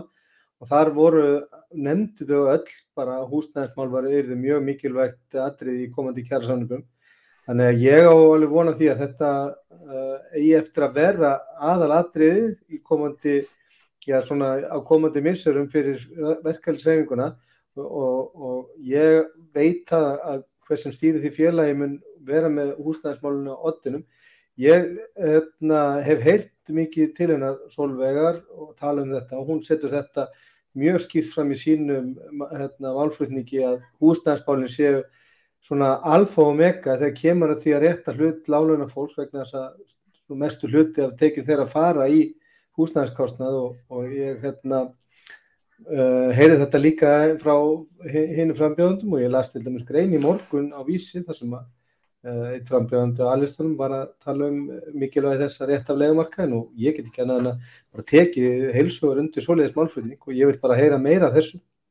En ef ég má taka það út úr hlutakíðinu sem hérna talsmaður leiðandarsamlökuna, uh, það hefur svona verið þráður hér í kvöld, það sem hefur verið að tala um sko að fólk horfir til verkefælsreyfingarnar um að ná hér fram einhverju réttlæti og einhverjum samfélagsbótum og að, að vonin hafi eiginlega kviknað með kjöri Ragnarsdós og Solvögar 2018. Upplýðið þú það svona sem borgari út í bæ að, hérna, að, að það væri að verða eitthvað breyting, að væri fljóti væri að riðja sig?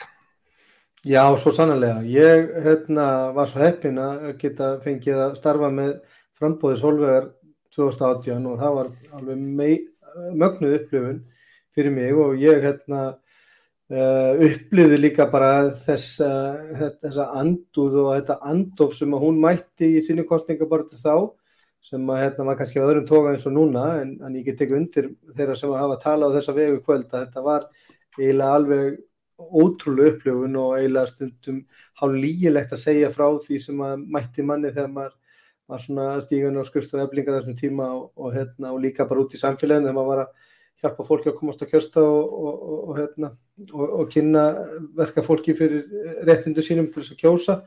En þetta var gríðarlega mikil breytug ég fann það bara sem neytandi og sem leiðandi og verkamæður uh, hversu mikla von þetta uh, veitir manni. Og það þekkja uh, það skilja það enginn nema sem að hafa prófað að hversu magnað og mikilvægt það er að gefa verkafólki von vegna þess að vonin bara vonin einn er svo mikil uh, kraftur og færi svo mikil kraft með sér inn í tilvist okkar sem að eigum uh, svona, eigum undir þessu okkar lífundi því að, að hérna hér sé svona bærilegu lífskeilir að vonin sem kemur með svona einstaklingar svo solu og hún er, getur kveikt alveg gríðarlega mikla krafta hjá stórum hópi fólks og, og það höfum við bara séð, við höfum séð náttúrulega bara algjör og bylting á því hvernig fólk lítur á sig sem uh, þáttakandur eða, eða leikundur á þessum félagsmenn í þessum félögum uh, eins og þú nefndir bara á þann að það var vallega þetta að, hérna,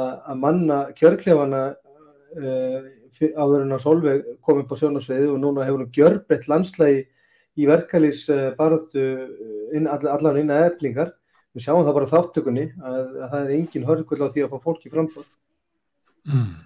Herðu, það er ennþá verið að býða eftir úrslutum, það eru einhverja mínútur í það ennþá, en hér er hjá okkur Andri Sigursson sem er eins og eininsinni hétt samfélagsrýnir og róttakari tegundinni, hann heldur úti meðal annars uh, Facebook síðunni Jæja sem að er svona með róttakari með róttakt sjónarhóttn á, á, á fréttir og samfélagsumröðina.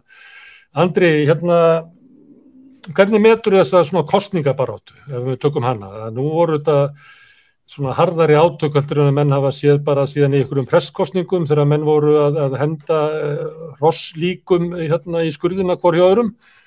Hvað, hvað, hvað átök voru þetta? Hvaða upp voru að takast á? Já, sælir. Um, einmitt, uh, ég held að einmitt þessi harkaljú átök sem við höfum séð svona síðustu daga hafi komið mörgum á svolítið óvart líka. Ég held að við höfum ekki séð svona hörku bara áður raunni. Ég man ekki eftir því sko. Ég hef búin að vera að taka þátt í stjórnmálum núna í uh, 15 ári eða eitthvað. Ég man ekki eftir að hafa séð svona rosalega svona hörku í umræðinni og, og svona, svona vegið svona persónlega að einhverjum sem er að, er að bjóða sér fram. En ég held að svona langar bara að taka undir með Pétri Tyrfingsinni sem að, lýsa svo ágætlega að þannig eru við að sjá svona, svona hugmyndafræðilega átök og milli borgarastjættar hennar og, og, og verkafólks mætti segja. Og þetta svona og, og svona heftinn og andúðinn og þetta sem að brist út eru svona bara svona, já, út, út af því sko og hérna uh, svona djúpum hugmyndafræðilegum átökum sem finnst mér sko og með ég segja að þú ferði inn á skrifstofun og, og svona skoða það sem er að gerast þar og held ég að þetta var þetta að færa góður upp fyrir því að, að hérna, það sem hefur gerst þar sé rauninni að sama meiði um, þú veist starfsfólk sem að vinnur á uh, uh, í stjættafélögum er náttúrulega í svolítið svona sérstaklega stöðu. Um, það er ekki beint sko verkafólk.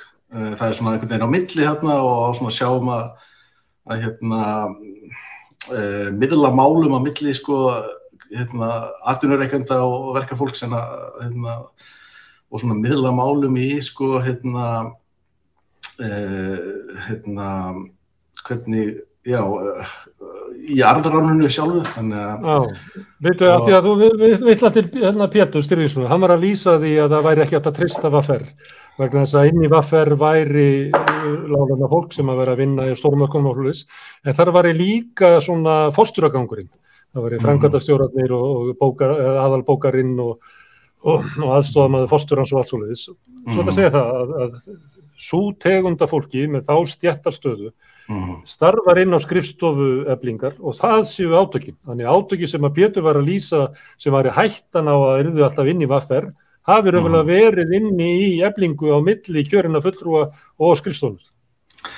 Já, ég held að sé alveg auðljóst sko og hérna um, og þú veist, þá er ég ekkert að segja að skrifstofu fólki sé eitthvað vond fólk eða þannig að það er bara er í þessari stöðu og við vitum alveg að, að fólk svona veist, svona stjættabarátt að hörð stjættabarátt er bara eitthvað sem er svolítið svona nýtt einhvern veginn að koma aftur núna. Við sjáum, uh, það er svona ákveðin svona uh, framför í, í hérna, eða svona, hvað að segja svona, svona stjættar stríðið er bara að svona herðast og uh, við sjáum bara svona, svona í, bara um allan heim að þar eru það er mikið að gerast í verkalýsmálum bara hljóms í Breitlandi, Bandaríkjunum og mikið af fólki er að, er að endur og við erum bara svona, svona endur uppkveita held ég bara har, harða stjættabaróttu og stjættastríð og, og þess vegna er líka svo áhugavert að horfa á þetta sem er að gerast mm. En hvert leiðir þetta? Ef það er aukin harka í átökunum getur við verið að horfa á klopning eins og starfsgöðinsabatsins og alltíðsabatsins að því það er ekki það er eiginlega sko, maður þarf að vera mjög langt aftur til þess að, að, að, að sjá sko það sem er rótækni lit í verkleysriðinguna það er eiginlega eftir að sjálfstæðismenn og, og, og fleiri komur sér til valdaðar og gerðu bandalag með grötum og ykkur fleirum að þá hefur umverulega verkleysriðingin bara eiginlega bara er kringu 1960, kannski fáið Þorleif Fridriksson til þess að leggja dóma á þetta, tekið upp kannski svona hægri barátumálum, séregnastefnu í húsnæðismálum, séregnastefnu í lífeyrinsréttindum, það er eiginlega staðstu svona sósílisku sigratnir, hann Þorleifur nefndi hérna áðan aðlýsistryggingar, það er í 56, það er ekkert svo margi svona sigrar sem hægt er að benda á og segja að þetta er sko uh, barátumál verkefnisreifingina sem eru sannanlega sósíliski eðlísum. Já, einmitt, ég, ég er alveg sammála því og, hérna, og þess vegna er svo mikilvægt einmitt að Solveig Anna vinni í þessar kostningar. Þannig að sko bara við eigum rauninni möguleika á því að, að byggja upp einhvers konar rótækka stjættabaráttu á komandi misserum sko. Það er ef hún tapar í kvöld þá held ég að það verði mjög stort svona skrepar aftur á bakk í stjættabaráttunni og, hmm.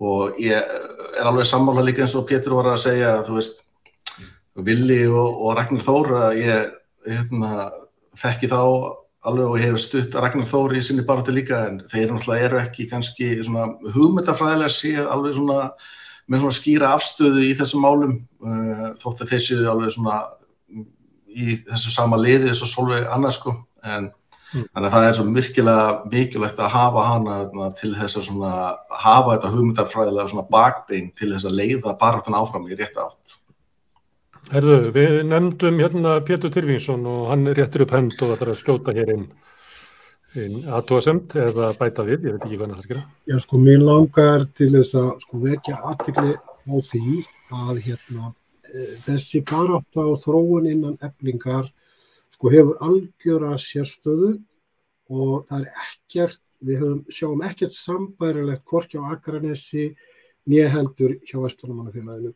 Sko, Solveig Anna og ekkert síður A-listin held ég þegar ég er, að, ég er, bara, ég er bara reyna, ég sagði það að ég tek þess að bara nær, mjög nærri mér, vegna þetta er mitt gamla verkalýsfélag og það er skrítið að maður hefur einu sinni verið í verkalýsfélagi, maður hefur einu sinni fengið að taka þátt í því, alveg sama hvað manni fannst nú um jakan og alla þá og hvernig þetta var allt saman og óþólandi bírókratar og allt það, að þá gáður manni allan séns. Það er eitt af því sem hefur breyst þessi, ma- ég kom inn í dagsbrún og maður svona rúttakar að rífa kjátt og, svona, og þá bara svo Gwendi Jaki þegar, nú þannig er ungu maður að rífa kjátt, hei, tökum hann inn í trúnaðaráði og maður bara komin inn í það til þrjá mánuði.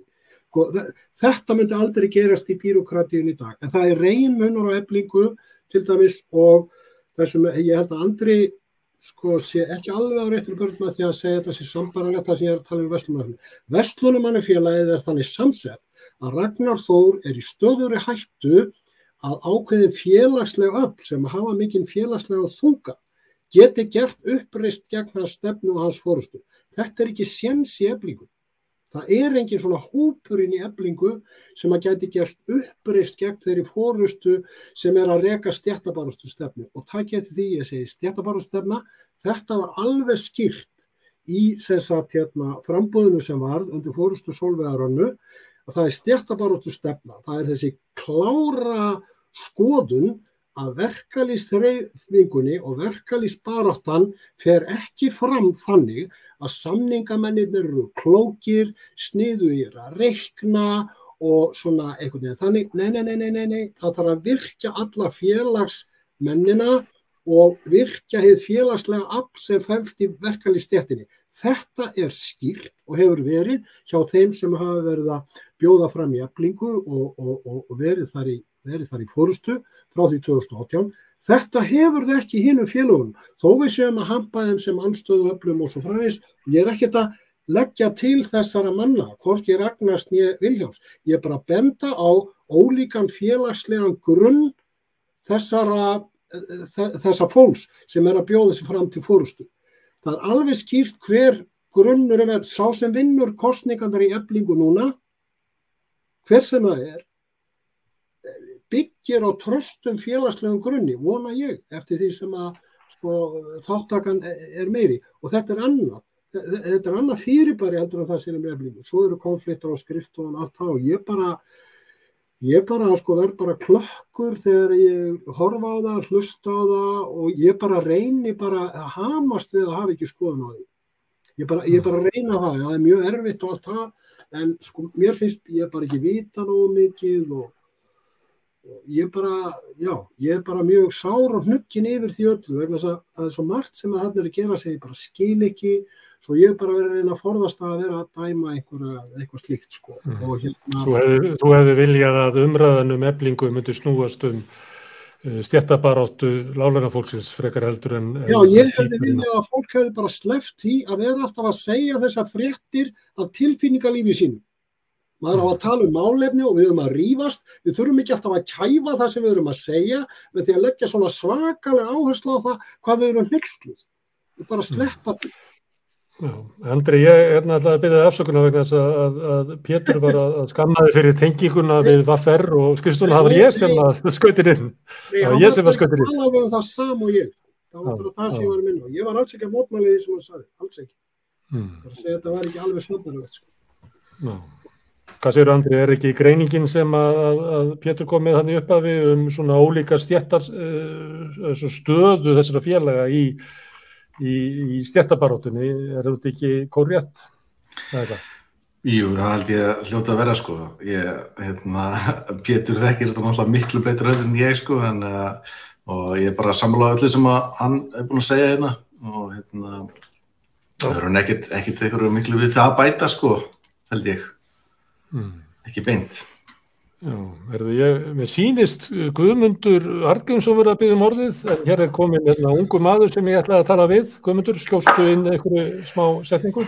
Já, hérna, að því vorum að ræðum hérna, húsnæðismálin og verkefælsfélagin, þá held ég að sé mjög mikilvægt núna uh, í, á þessu ári og, og bara um, á komandi vissum að verkefælsfélagin móti sér mjög rótæka stefnu í húsnæðismálum, þar að segja að séu ekki að semja við sveitafélagin á þeirra fórsendum inn í þessu kapitalíska hagkerfi og, og, og fórsendum þess með hérna, veikburða hérna, framlögin á húsnæðismarkaðin allt gott um þessi félög að segja þessi óhagnættum félög en það verður að koma bara mjög rótæk um, uh, stefna frá uh, uh, verkefælisfélögunum og, og, og hérna, í samfunum við sveitafélögun hvernig á að leysa hann húsnæðisvanda sem er ekstra ár frá ári og ég vil bara fá að sjá bara uh, að þessu teknarinn tilugur sem að miða bara allt öðru uh, byggingar uh, formi, ekstra formi en við höfum séð hérna á Íslandi undan fyrir 50, 60, 70 árin.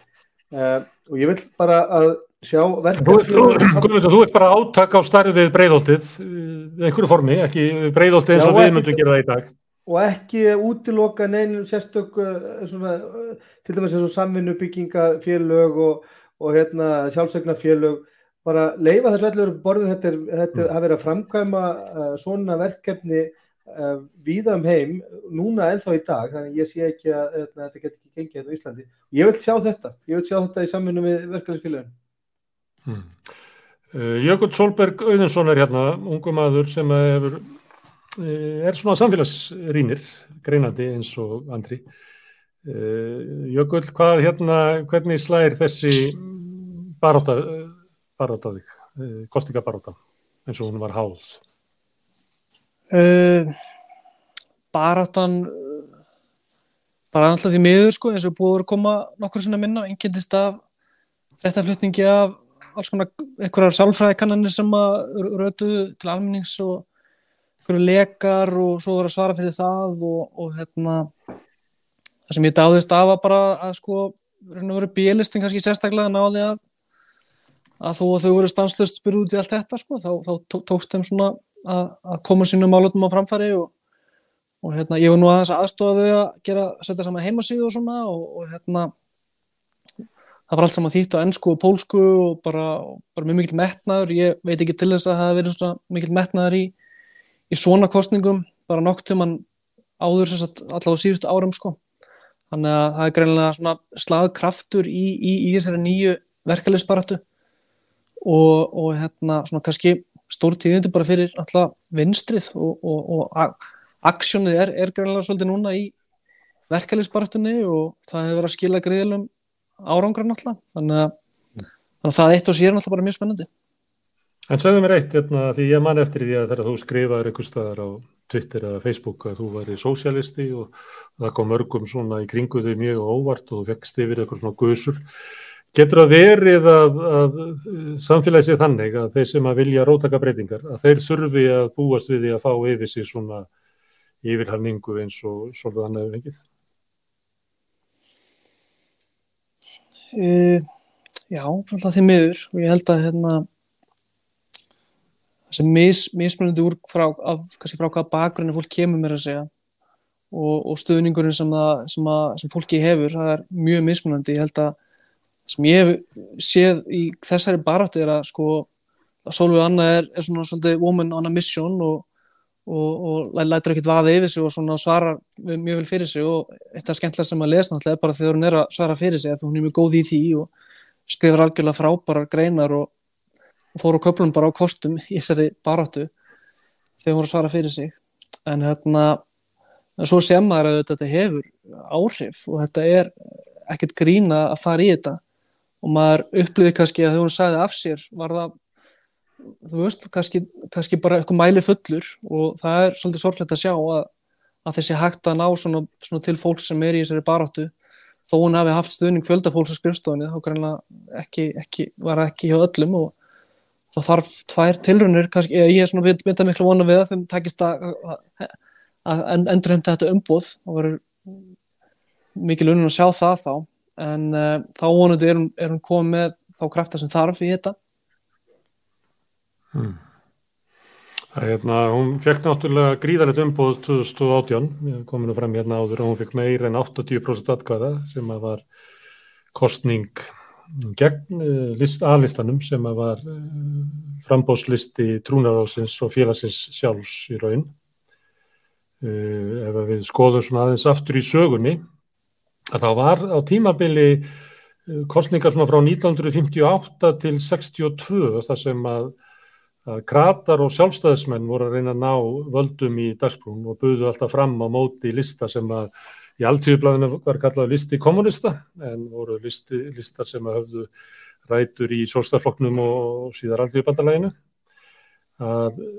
Þessi frambóð fengu, ef ég byrjaði 58, fengu 39% og svo 38% og svo 31% og svo 29% og svo 31% og þá eiginlega lögðust af kostningar í dagsbrunum langan tíma. Þannig að við komum á kostningunum sem við ætlum að ræða hérna áðan við hann Jóhannes en, en það var bara ekki nógu gott netsambandi þar sem hann býr. Að þá var óanægju frambóð hérna inn í dagsbrunum sem að fekk 35% og síðan kemur frambóðið 2018 þar sem að óanægju frambóðið eða mótframbóðið fær 80% sem er náttúrulega stórkostlega sögulegur sigur sem að Solveig Anna vann 2018 og það verður mm. forðilegt að sjá núna hver úrslitin verða það er ekki hægt að bera það saman nú eru þrýlistar í frambóði og allt það. En þannig að hún kom hérna inn með alveg gríðalegt umbóð þannig að hvað, ég veit ekki hvort að þú kunnir að meta það, ég auðvitað vilja meta það, hvað Hvað er sigur fyrir Solveig Önnu? Að vinna þessar kostningar þó svo að atkvæði myndu dreifast jáft að vinna með jáfnveil minniluta e, því það að, að hún þarf að búa til ykkur að sátt á milli frambóðana svipað og mér fannst Ólafur Þótt Harðarsson verið að tala um hérna í upphefið þáttarins e, eða þarf hún að fá afgerandi meiriluta til þess að fá óskorað umbóð til þess að reyka sína stefnu eða er bara nóg að vinna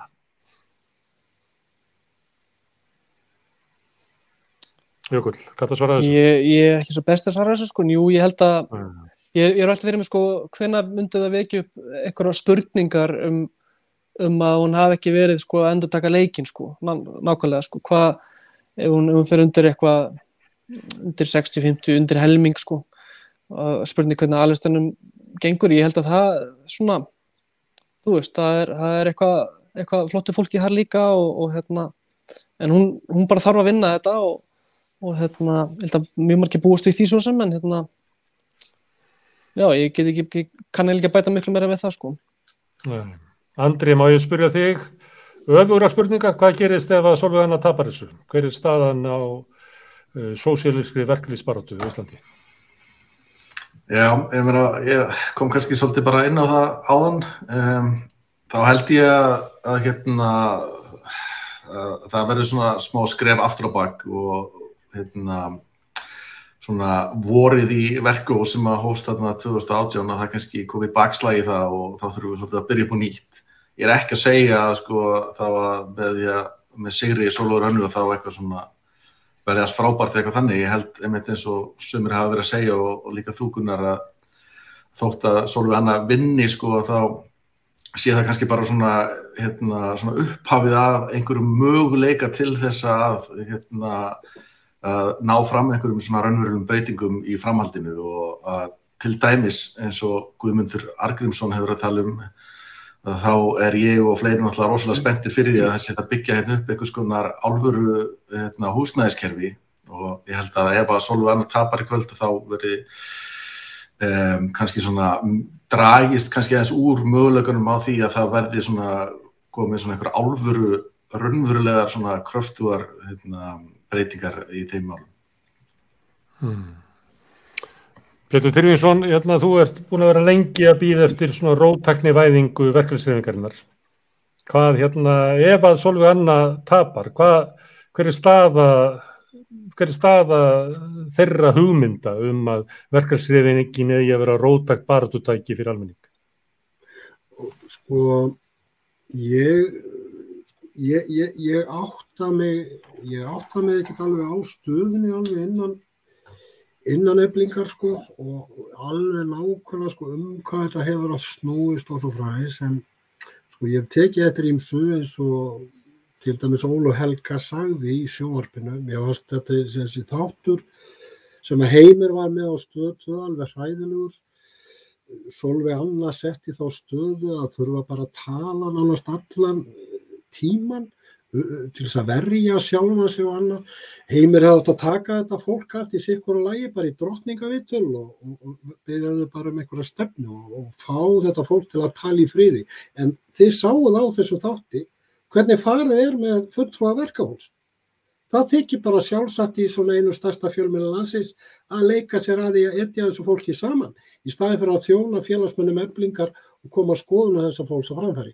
Ég hef áhyggjur af því að ég held að, já, ég, ég hef enga tilfinningu fyrir þessu, en ég ímynda mér það að engum muni vinna stort, það er kannski ekki þannig, og þá hef ég áhyggjur á einu, segjum ef að A-listin vinnur, nöld en vinnur, og armurinn sem að Solveig annars stendur fyrir tapar, hvað gerist þá? Verður þá eitthvað svona stjórnaranstaða í eflingu, mun, mun þá sá armur eitthvað að draga lappirnar, mun að snúa við, mun hann ekki, og ég tók eftir til þess að Óla Helga saði, já ef við vinnum með að saman hvernig þetta fyrir, þá vona ég það að Solveig Anna verður með okkur í samninganemnd og svona. Ég veist við verðum að halda svona umsögnum til haga, ok, en þú veist ég hef ágjörð af þessu, þetta verður nöfn alveg á hvort veginn sem það er vegna þess að sko, það er ekki gott ef að til dæmis að eins og fannst ykkur ekki indislegt að heyra íslensku með pólskum frambörðum, ég fætti það svo gaman að heyra en það sem hún sagði að hún var að meta þetta þannig að kannski pólska samfélag halla sér frekar að listanum. Sko ég hef þá svolítið ágjör af því að, að ef að það fólk getur ekki alveg litið á sá fórustu sem eru ofan á sem sinnfulltrúa, ég held að það sé alvöru mál. En ég tristi eins og að Solveig Önnu fyrir því, þannig að hún hefur reynslu af því og hún hefur limit tekið frumkvæða af því að virkja sagt, hérna, erlenda Íslendinga í, í, í, í félaginu og er almennt stjættabarðsinu þess að tristi henni til þess. En ég hef enga sérstak ástofið til þess að efast heldur um innhópin. Þannig að ég hef svolítið áhyggjur að það verður mjótt á mununum, skiljiði hvað er að fara. Vegna þess að þetta báðir armarnir hafa þetta verið að sagt það Við viljum byggja félagið á því, byggja baráttur á því að virkja fyrst og næst félagsmennina til baráttu. Það gerist ekkert nema við séum virköll og tökum þátt í baráttunni. Báðir armjarnir hafa sagt þetta og þess vegna hef ég miklar áhyggjur af því að ef að það verður mjótt á mununum að það muni koma niður okkur. Annars sem að ég heyri mikið sagt hérna og það er allir, koma allir með hvað það er að taka á. Það verður að tala um húsnæðismál, vakstamál, lífeyri, sjóstmálin og svo fráins fráins. Þetta eru allt pólitísk mál. Þetta eru allt mál sem er að fara ekki inn í kjærasamning og við semnum ekki við um, um, um samtök atvinnulífsins. Og, það, og í ljósi þessa, þá skulum við átt okkur á því hvaða er svakalega langt í land. Ég menna, Vilhjálmur á Akranissi, nei, ég er ekki á því að verkalýsforingir eiga lýsi yfir pólitískir afstöð. Hlustiði á þetta. Heyriði hvað hann segir. Þetta er ákveðin veikleiki. Við skulum ekki vera að gera mikið úr þessu voru. Þetta þarf að stefni þá að verkafólk þarf líka að eiga sína pólitísku fulltrúa, eiga sem pólitíska flokk sem að bakkar upp fólkið sem er á okkar vegum í sveitastjórnum eða þingi, verkalýsfélögum og annars. Og verkalýsfórustan og verkalýs, fulltrúa verkalýs í verkalýsfélögum þurfa að hafa alveg beina röndi inn á þingsólum og til þess að fylgja eftir þessum málum. En, en í dag er þetta eiginlega þannig að, að það eru þrýliða samningar að það eru gerða kröfur á fyrirtækjegenda og svo er kröfur á ríkisvaldið og ríkisvaldið kemur svona í lokin og býr til eitthvað lovorðalista.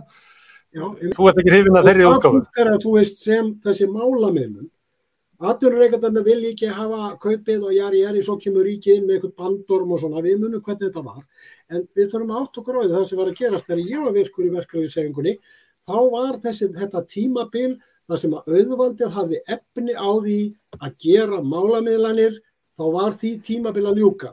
Þjóðarsamningandi 1990, þetta var að stefna í þá áttina, það var uppkjöf verkalýsreifingarinnar fram að því að þá hafði verkalýsreifingin alltaf verið að elda verkbólguna, vinna kjarabætur til þess að vinna verkbólguna, svo sættum við þess að ok, við skulum sættast á þá tekjuskiptingu sem að atvinnureikandur er að heimta. Það er málamennur 1990. Við tekur viðeigastjórnin og hvað gerist? Jú, það er byrjað á alls konar engavæðingar hlutum, þjónustu gjöldunum í hilbriðiskerfinu og öllu þessu. Allt tákgerfi og sparnaður í ríkisútgjöldum, allt tákgerfinga þess að auðvaldið hefur ekki efnáði lengur að gera málamiðlanir við launafólkið. Í því fælst það bara nýtbúsíkjan. Já, það eru 20, það eru rúma 20 myndur síðan að voru 20 myndur þangað til að tölur átt að byrtast og það er ekki ennþá komnar. En hérna, ég held að Viljólmur Birgi, Birgisson hafi verið að hlusta á, á eldmessu Pétur Styrningsunar. Ég veit ekki hvort að, er þetta að fá þig til þess að, að kommentera á þetta? Varst að hlusta á þetta, Viljólmur? Já, ég, ég var að hlusta á hann. Er þetta ekki þessi, þessi legt að hlusta á svona mm, gamlan sósélista, alltaf eldraður yfir hvert á að stefna? Jú, jú, jú, jú, alltaf resilegt að, að hlusta á fólk sem hefur sterkar skoðan. Og ég get Já. alveg sagt Pétri Tyrfingsinni e, nákvæmlega fyrir hvað ég stend. Ég stend fyrir það sem að ég þurfti að upplifa sjálfur með fjögur börn. Að eiga ekki fyrir nöðþurftum þegar að síðustu daga mánarins voru. Og ég er ekki að tala um stutt tímabil hjá okkur hjónum sem að við þurftum að ganga í gegnum slíkt. Ég var, hef verið verkamaður alla mína hunds og kattatíð og hef svo sannarlega þurft að berjast e, fyrir mínu lífsbröði ef að þannig málið komast. Ég átti orðið fjóra drengi 26 ára gamall og þessi tími þessi erfiði tími sem við gengum í gegnum því að ég var eina fyrirvinnan lengi vel á eh, þessum hefðbundu verkamannalaunum ég fullir það að það hefur mótað mig í minni baráttu fyrir því að vilja af eh, eins miklu mætti og ég mögulega get horfa á eh, ömurlega stöðu látekjufólks á íslenskum vinnumarkaði og þetta hefur drifið mig áfram.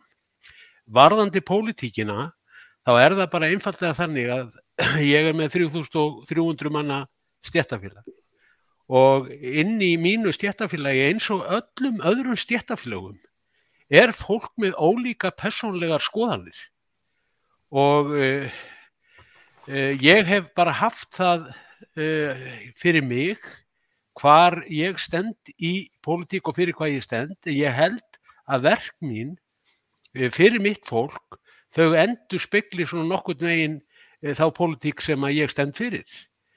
Og ég mætti nú á þó nokkuð marga fundi hjá þér Gunnar Smári fyrir síðustu kostningar meðal annars til að ræða um kvotakerfi. Ég held ég að sé búin að vera á þeir með einu þreymur eða fjórum fundum því að fá, fá fá uh, sveitafélag hér á landi hafa orðið jafn ítla fyrir barðinu á þessu fiskuðu stjórnarkerfi eins og við aglusingar þótt að megi fara vítt og breytt um landi til að horfa upp á það eðleikingu sem að þetta kerfi hefur uh, valdið íslenskri þjóð. En þetta var hressandi og, og, og, og þetta er nú mitt svar við því sem að hann nefnir. En ég vil samt segja eitt við hann. Það sem að hann kannski misreiknar daldið í þessu sem að lítur að því hvernig sko uh, lítur að því hvernig, hvernig sko líðræði innan verkefælisrifingarna virkar. Ef að efling er ein og sér þá getur þetta virka hreinlega þannig að völd eflingar inn í heildar samtökunum, inn í alþjóðsambandinu getur orðið jafn mikið og til dæmis bara hjá verkefælisfélagi þósafnar sem er kannski 200 manna stjættafélag. Já, ég ger mig grein alveg fyrir þessu, Vili, og ég er ekki að setja út á þig alls ekki persónulega, ég ber mikla virðingu fyrir þér, þú ert hugsanamaður og þú ert að segja mér það fyrir hverju berðust og fyrir hverju brennur fyrir. Ég er í rauninu ekki að tala um það, ég er bara að tala almennt um þessa afstöðu margra verkefælisfóringja, við erum ekki pólitískir og allt það, samt erum við alltaf með pólitísk mál á optinu. Þú ert talað um verðtrygginguna lífeyrissjónskerfi, húsnæðmál og svo. Þetta eru pólitísk bara máttumál sem krefast lagasetningar. Ég hef áhyggjur af því að sko ömurleg saga og róð gömlu verkalýsflokkana og verkalýssefingarinnar, þessi aðskilnaður og, og, og þeir hafa bara gengið í, í, í, í björg auðvaldsins, altså okkar gömlu flokkar, að þetta hefur leitt til þess að verkalýsfóringjar að þeir eru orðin ópolítískir og það þykir eiginlega deyð að vera einhvern veginn ópolítískur og maður eigi að vera það og menn eru fimmnir við það. En auðvitað Vilhjálmur, þú eins og ég þú ert ekki svo þröngsitt og þú haldir það að réttindabarótt og alþjóðuna snúist þar um það að hafa aðeins meira í launaumslæginu þannig að maður sé ekki alveg með áhyggjur um mánaðamótin. Þú veist það sjálfur að við viljum passa upp á heilbriðistjónustuna fyrir aldraða foreldra okkar ef þeir eru ekki látnir. Við viljum passa upp á mentun barnan okkar, við viljum passa upp á húsnæðiskerfi, við viljum passa upp á það að við bara drepumst ekki tveimur árum eftir að við verðum að hætta að vinna og svo fræðum sveimst. Þetta er allt pólitískt mál og ég veit og gerir grein fyrir þetta eru pólitískt mál en ég held að það er að leggjast á sveið með okkur hinnum sem að tala fyrir því við þurfum líka verkalýsflokk. Við þurfum ekki bara rótækni og meiri virkjun og líðræði verkalýssefingunni og skarpari stjættabaróttstefnu. Við þurfum líka pólitískt afl. Mm. Alveg eins og pólitískan fjölmið fyrir alla verkalýssefinguna. Það er viljaður.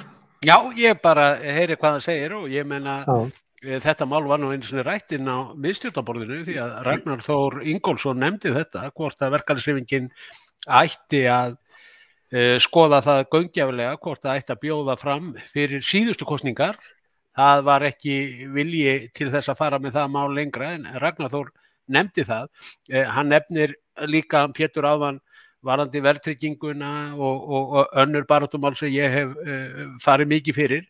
Ég vil minna Pétur á það að í lífskjærasamningnum að þá var 52 atrið í hildina sem að fylgdu með lífskjærasamningnum. Þar á meðal var afnum verðtryggingar, taka húsnæðasliðin út úr vísitölunni og fjölmörg önnur atrið sem lutu að hérna, þessum þáttum. Þetta eh, lofuðu stjórnvöld okkur og þessi pappýrar eru allir klárir og til en því miður var þetta hluti af því sem að stjórnvöld síðan svik okkur með.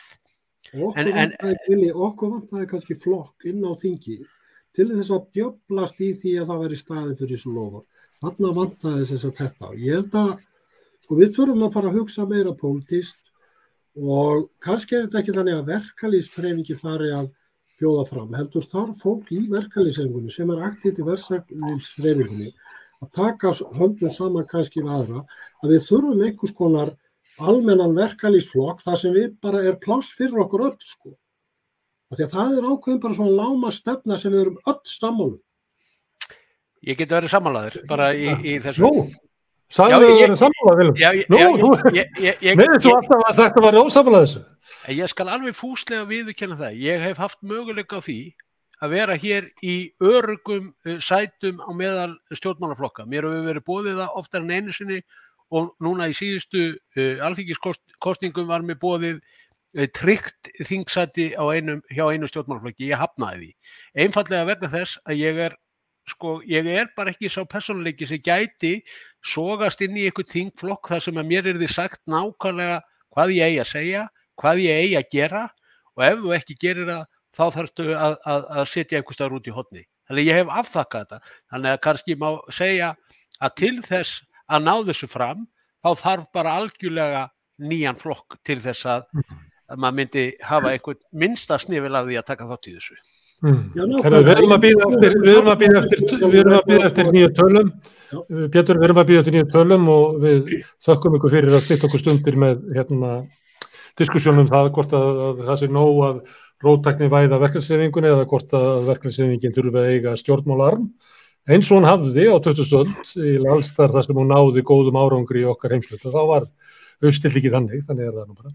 En hvað gerir fólk þegar það býða eftir úrslutum úr hérna, stjórnarkjöri í verkalýs reyfingunni að það talar um, um hérna fílinn í herbygginu uh, Jökull Solberg, hann hérna vildi skjóta hér inn um, um lífyrirsjóðuna sem hefur nefndir hérna. Það er eitt af þessu verkefni sem að býða raunverulega úrlausnar hjá verkalýsreifingunni og er mjög mikilvægt að verkalýsreifingin hafi raunverulega aft til þess að mótas nýja stefnu í, í, í slíkum málum að, með lífyrirsjóðun. Hvað, Jökull, hvað hverju allra að kasta þetta fram varandi lífyrirsjóðuna?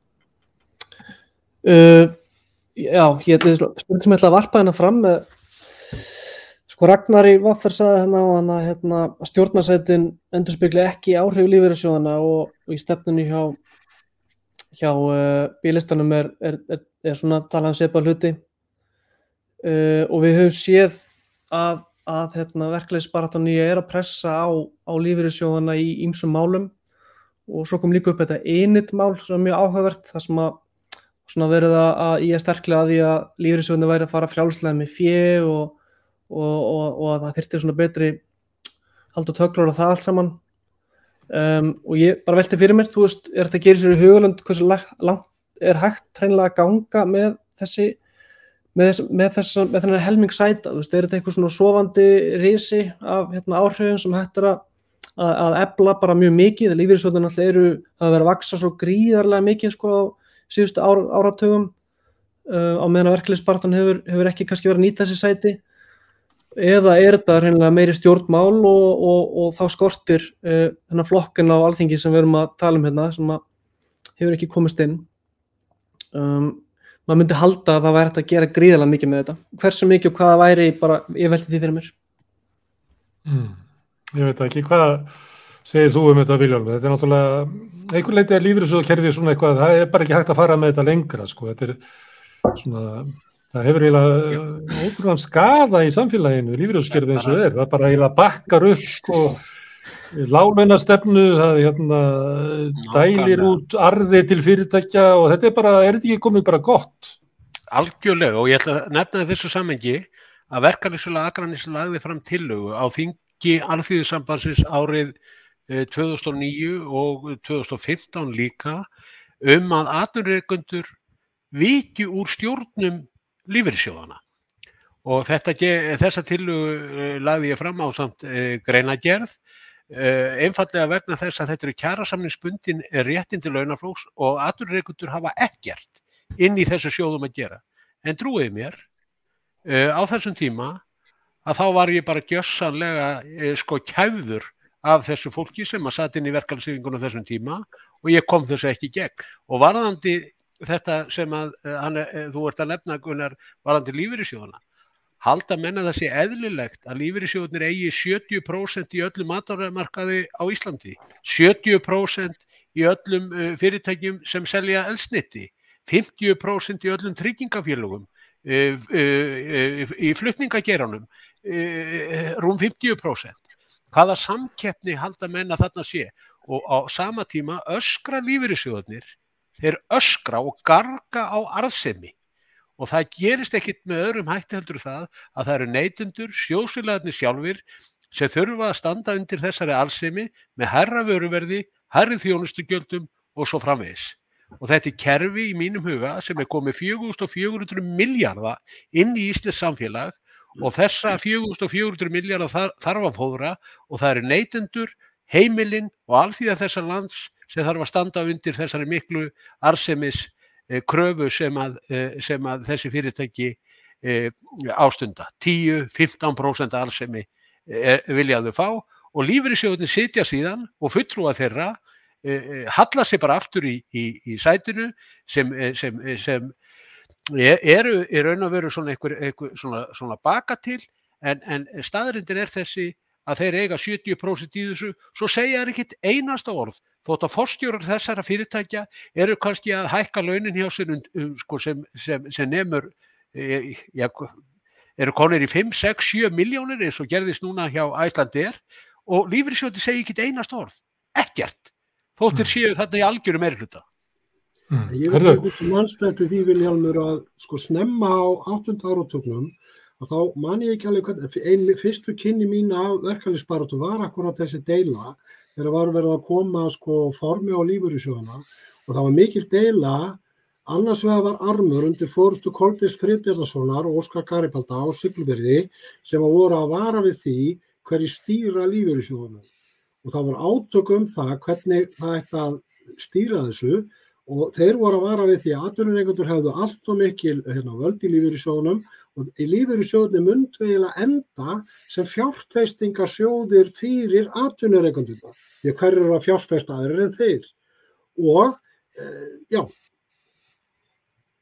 Ábending, nei, fyrir ekki, það er komin ábending hérna til okkar um að það er eitt sem er skemmtilegra heldur en að ræðum lífyrirsjóðamál með við að býða eftir törlunum það er að skella, og er öllu kostningavökum, það er að skella á tónlistaratriði og við ætlum að gera það því að Steinun Ólína er ennþá hérna með okkur og hún ætla bara að draga tónlistaratriði upp úr hatti sínum, þannig að það er hægt að tengja hana hérna inn þá kemur tónlistaratriði, gjör svo vel Steinun Ólína bara Það er full aumt. ástæða til þess að fyrst við erum nú með þessar umræður hérna að yrði tónlistaratriði og nú veit ég ekki hvernig þessi útsending er en uh, sjáu þið með ennþá því það er að Já, já, við sjáum þeir mjög, já, við sjáum þeir. þá er ekkert um annað að gera heldur en að flytja hér tónlistaratriði.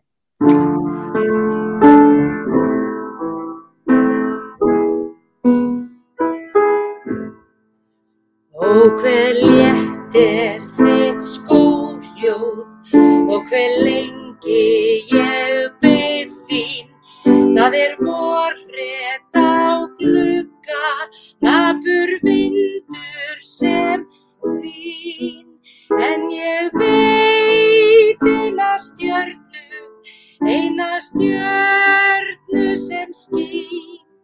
Og nú loks ertu komin, þú ert komin til mín. Það eru erfiðir tímar, það er atvinnu þref. Ég hef ekkert að bjóða, ekki afl sem ég hef. Nema von mín og líf mitt, hvort ég vak eða sef. Þetta eitt sem þú gafst mér, það er allt sem ég hef. En í- það bara, svo ég fari ekki vitlega með textan, dóldi mig sefna. En í kvöld líkur vitri, sér hvers vinnandi manns. Og á morgun skín mæsól, það er mæsólin hans. Það er mæsólin okkar, okkar einingar bands. Fyrir þér ber ég fána þessa framtíðarlands. Takk fyrir. Það er að þakki. tónlistaratriði lokið. Nú er þetta orðið alveg eins og kostningavaka, þannig að þá verði ég eiginlega að skipta yfir á Ólaf Þórn Harðarsson sem er náttúrulega bara persónugerðingu kostningavaka. Hérna, ég hérna kannski, ef ég má spyrja þig bara um, að þið að vera að tala um úrslitin, að því að hvað er sigur? Getur þú skil, skilgrið það fyrir okkur? Hvað er sigur fyrir A-listan og B-listan? Nú er enginn að spá C-listan og sigri. Ég vil nú byrja á því að þakka fyrir þetta frábæra tónlistrætti. og í kostningavökum hér í Kanada þá var líka gjarnum svona hagirðingahopn.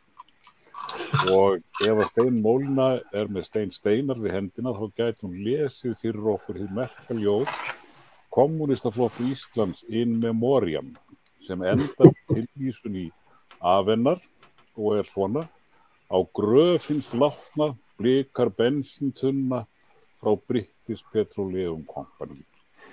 Dásamlegt hljóð. En ég skal reyna að svara þessu, það er erfitt að segja, ég held að það setja alltaf til í þessu sem að Pétur var að segja áðan, að, að hérna, það getur við snúið ef að það verður lítill munur á A-listanum og B-listanum, hvorum veginn sem að sigurinn lendir. Það er líka ekki, væri ekki gott fyrir Solveig Önnu að vera undir 50% og reyndar ekki fyrir A-listan kannski heldur. En samt sem áður þegar upp er staðið sá vinnur sem vinnur. Og uh, jafnvel þú fáir ekki nema 38, 40, 45% uh, ef þú ert efstur þá hefur unnið. En, en, en það er fólknara ef munurinn líkt. Já, það er bara þannig að svo sem að vinnur að hann er bara sigurvegari og það er allir búin að gleyma hverju munurinn bara kortir í setna sko. Það ekki? er mjög oft þannig að menn gleyma því að, að þó að það hafi verið knapp, já. Herðu, ég rauf þarna umræðu um, um lífyrirsjóðuna, Pétur, hérna, þetta er náttúrulega búið að vera eins og þú varst að benda á að það, og raunverulega er þetta alveg frá uppafi lífyrirsjóðuna, þá var deilt um þessa setu fyrirtækja eiganda í stjórnum lífyrirsjóðuna Já, og það er svona eiginlega óafgreitt mál verkefliðsreyfingarnar að leysa það mál. Algjörlega og það var stopnað eitthvað, ég var- man ekki hvernig þetta var, það var stopnað einhvers konar villi kannski mannisa eða einhver annar mannisa sögu, það var stopnað einhvers konar svona sam, það var sko svona sameining lífeyrissjóðana eða eitthvað samtök þeirra eða eitthvað og þar var hægt að hafa áhrif á þetta hvernig, hvernig þessar ákvarðinu voru tekta. Og Kolbett, ég man eftir því sko að ég var einn svona rástefnu á Siglufyrði, sannlega 72 eða eitthvað svona sko, ungur maður að hlusta á þetta alveg með stjórnur í ögunum að kynna svona verkalýsóringum og þá var hann að lýsa því bara hver þróunin yrði, hvað væri mikið, mikið peningar í lífeyrissjóðunum sem að þyrstu að passa verðgildi þeirra þannig að það var að greið út úr þeim eftirlun. Og það sem hann var að segja, altså framtíðasínin hans var auðvitað svo að, sagt, að þetta eru fjárfestingasjóður sem verkalýsir ekki réði og gæti þar með sko, stjórnað fjárfesti atvinnustar sem er passað upp á byggðin í landinu og þar hundi gotur að stopna húsnæðisafnufélag og margir möguleikar sem að þetta gæfi verkafólki. En hvernig sátu uppi? Alveg svo Vilhjálmur er að lýsa að þetta eru bara fjárfestingasjóður fyrir kapitalistana og það þarf að passa, passa verðgildið þeirra og lífeyrissjóðinni komnur upp á það að þurfa að vernda sig með svona fjárfestingum í kapitaliskum fyrirtækjum. Þannig að lífeyrissjóðinni eru bara eins og kapitalisti inni í stofunni heima hjá okkur. Þetta minnir svona sögu, sögu Jakobsdóttur um leijandan. Þið veit að þessi Já, ég- já, já, ég- Þú tókst um klerugun, ég var árið hættur um að ætla að fara að lesa leiðandan, en hérna, nei, nei, Ragnar Þór Ingólfsson, eh, hérna, ég held að hann sé hérna, eða ekki Ragnar, þú ert nú engin sérstakur aðdáðandi lífur í sjóðakerfisins, má ég spyrja núna, í staðin fyrir að við, hérna, að við sögum að gaggrina kerfið, getur þú sagt mér, hver er leiðin út? Hvernig, hvernig, hver, hvernig getur leiðin verið út? Eh, Þar eru þó nokkrar eh, sem sagt eh, eh, stjórnunarlega séð að þá, þá þurfa verkefnisfélögun að sjálfsögða að taka yfir í það minnsta meiri hluta stjórn innan sjóðana. Það er alveg ljósta að, að, að stjórnendur sjóðan, sjóð, sjóðana og stjórnir þeirra hafa áskaplega lítinn kvata í að sinna mjög ríkum eftirlitskildum sínum og samfélagslegu hlutverki. Eh, Það var hér áður fyrr eh, greift í lög að eina hlutverk lífeyrissjóða væri að hámarka arðsemi og rauninni sama hvað. Ra- Ragnar, má ég að trubla það aðeins? Það eru komna svona kjaftasúgur í gang. Já. Um að eh, Solveig, Anna og Bjelistis við að vinna þetta mjög naumt. Að atkvæðin sé svona cirka 2000 hjá Bjelistanum og svona 1800 hjá Alistanum. Þetta eru óstaðfesta fréttir, þetta eru, þetta eru kjaftasúgur sem er að ganga um að, og er svona í fólki sem er einhver staðar svona nálagt borgatúni og, og þar í kring. En þetta, ég byrði ykkur ekki að fara að tólka þetta því að þetta eru bara kjaftasúgur, það getur verið rámt. Þannig en, en halda áfram að tala um leiðina út úr lífyrirsöðkerfinu, Ragnar.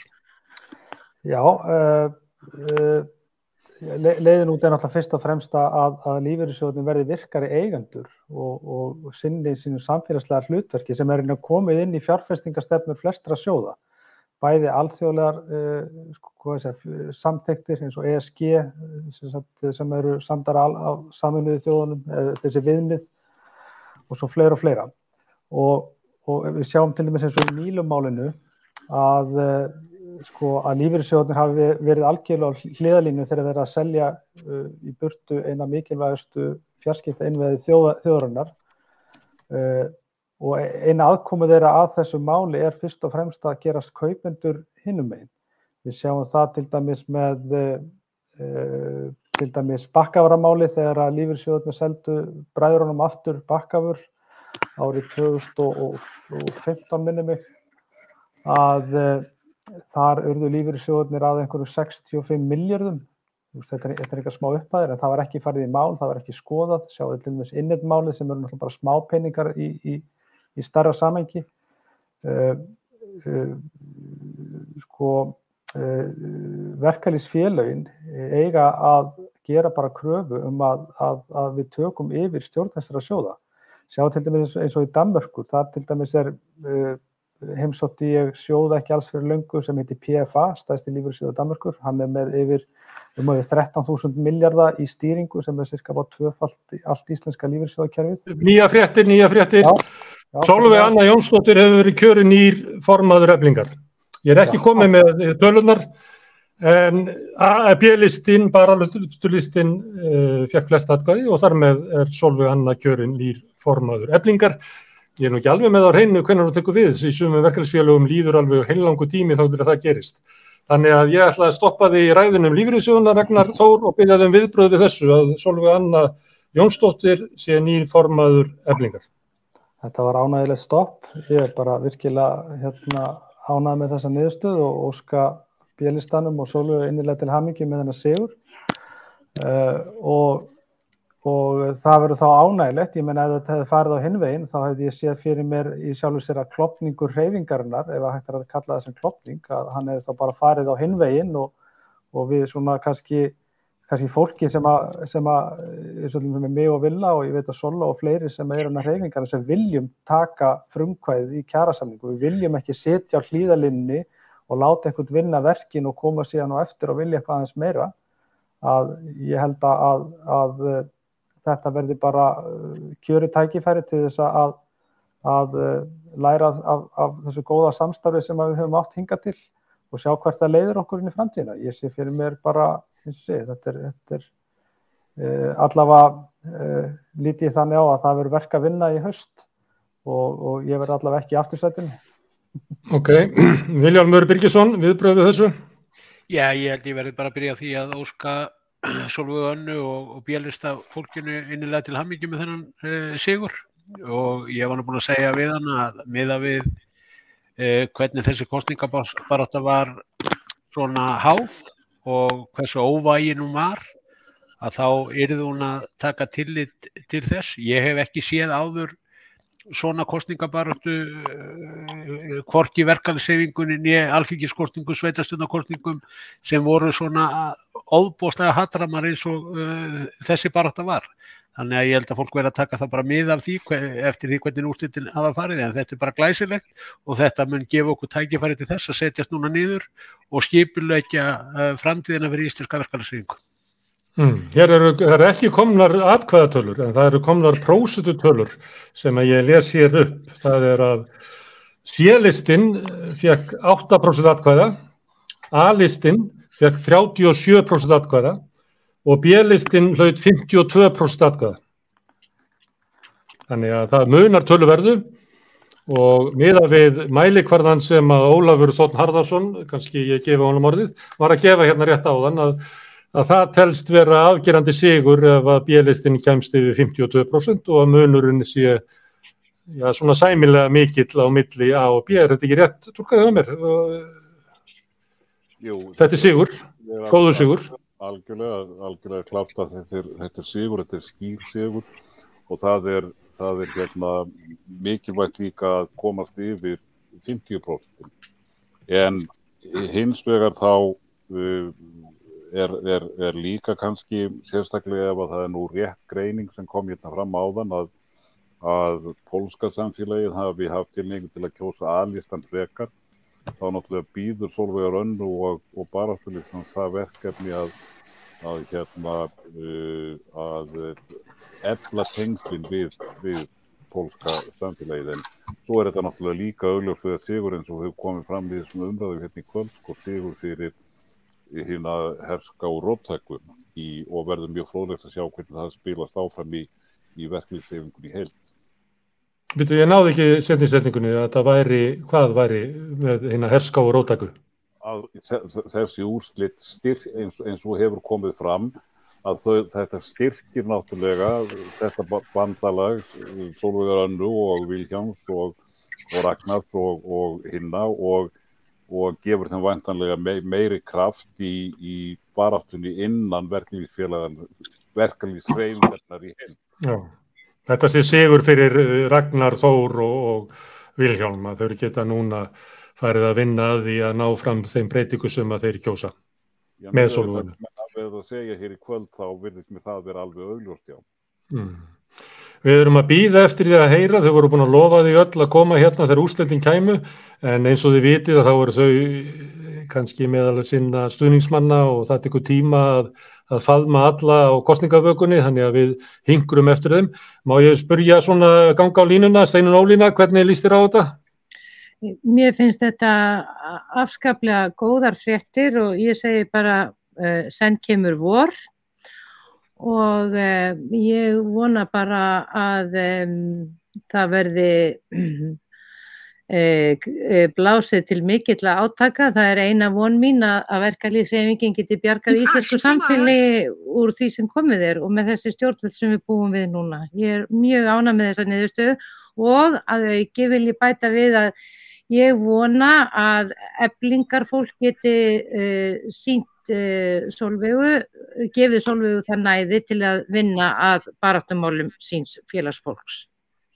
Að þetta, hún er að fá hérna afgerandi umbóð við með klára stefnu og, og þeir sem að starfa á eflingu og skrifstofunni verða bara að beigja sig undir vilja félagsmanna. Já, ellegar fara í aðra vinnu sem er ekkit sorglegt heldur. Maður á að sætta sig við eitthvað um maður og annar en þá bara, bara fjarlæði maður sjálfan sig úr aðstæðanum.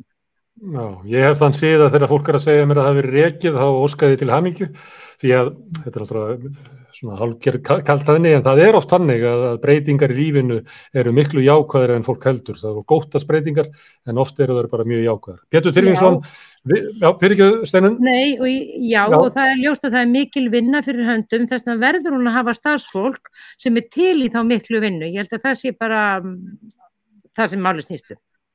Já, Pétur Tyrfingsson, 52% atkvæða fyrir rótækt sósialist frambóð í eflingu, er þetta jágætt?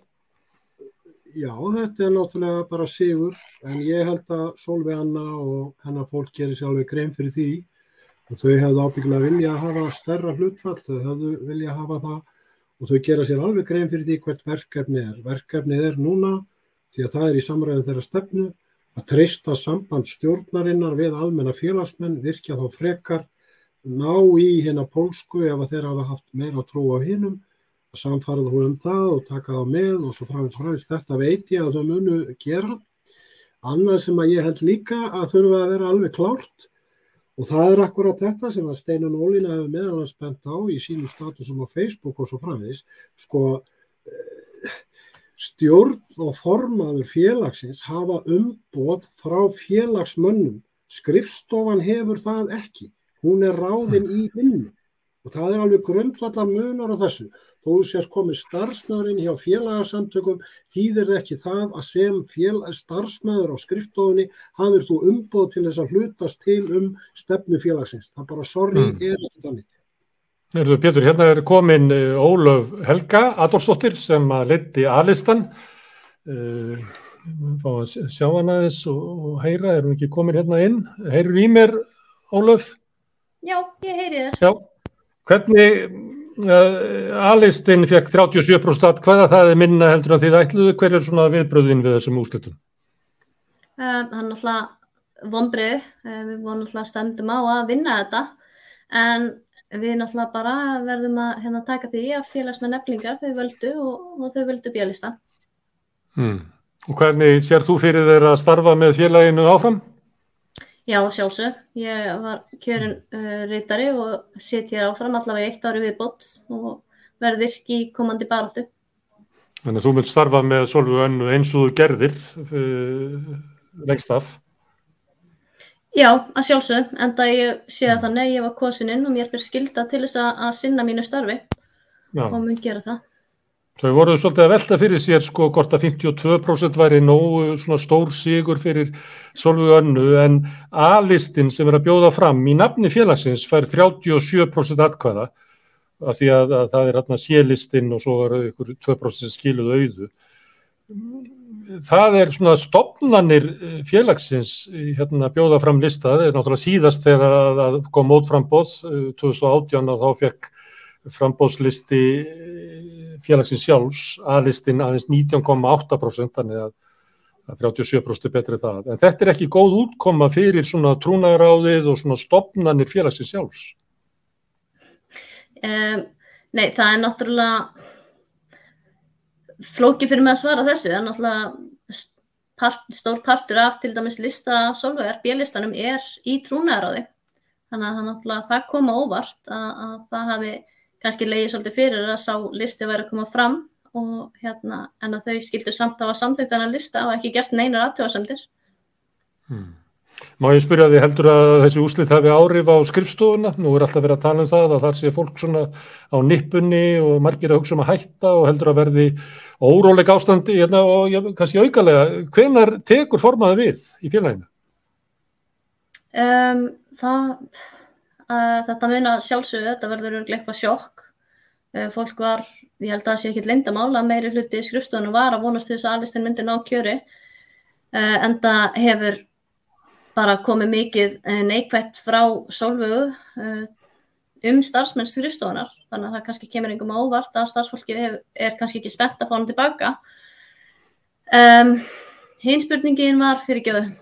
Já, hvenar tekur formaði við? Að ég man það 2018 og þá var kosið einhvern tíman í februar en svo var aðalfundur einhvern tíman í mæ eða eitthvað þannig að það voru einhverju þrýr mánuðir þar sem að, að, að Solveig var eiginlega býða eftir því að taka við félaginu en var umvel ekki minnin að stöðu innan þess. Hvað, veistu, hvenar formaði tekur við? Einmitt, uh, uh, þessi listi, þess að formaður kemur inn bara á næsta aðalfundi, í lók næsta aðalfundar og samkvæmt lögum eflingar þá verður hann að vera í fyrsta lagi 8. apríl uh, þar sem að félagsmennum verður að gefast frestur út marsmánu til þess að koma með breytingatillögur á lögum. Hmm. Þannig að hún mun ekki taka við fyrir einhvern tíman í apríl.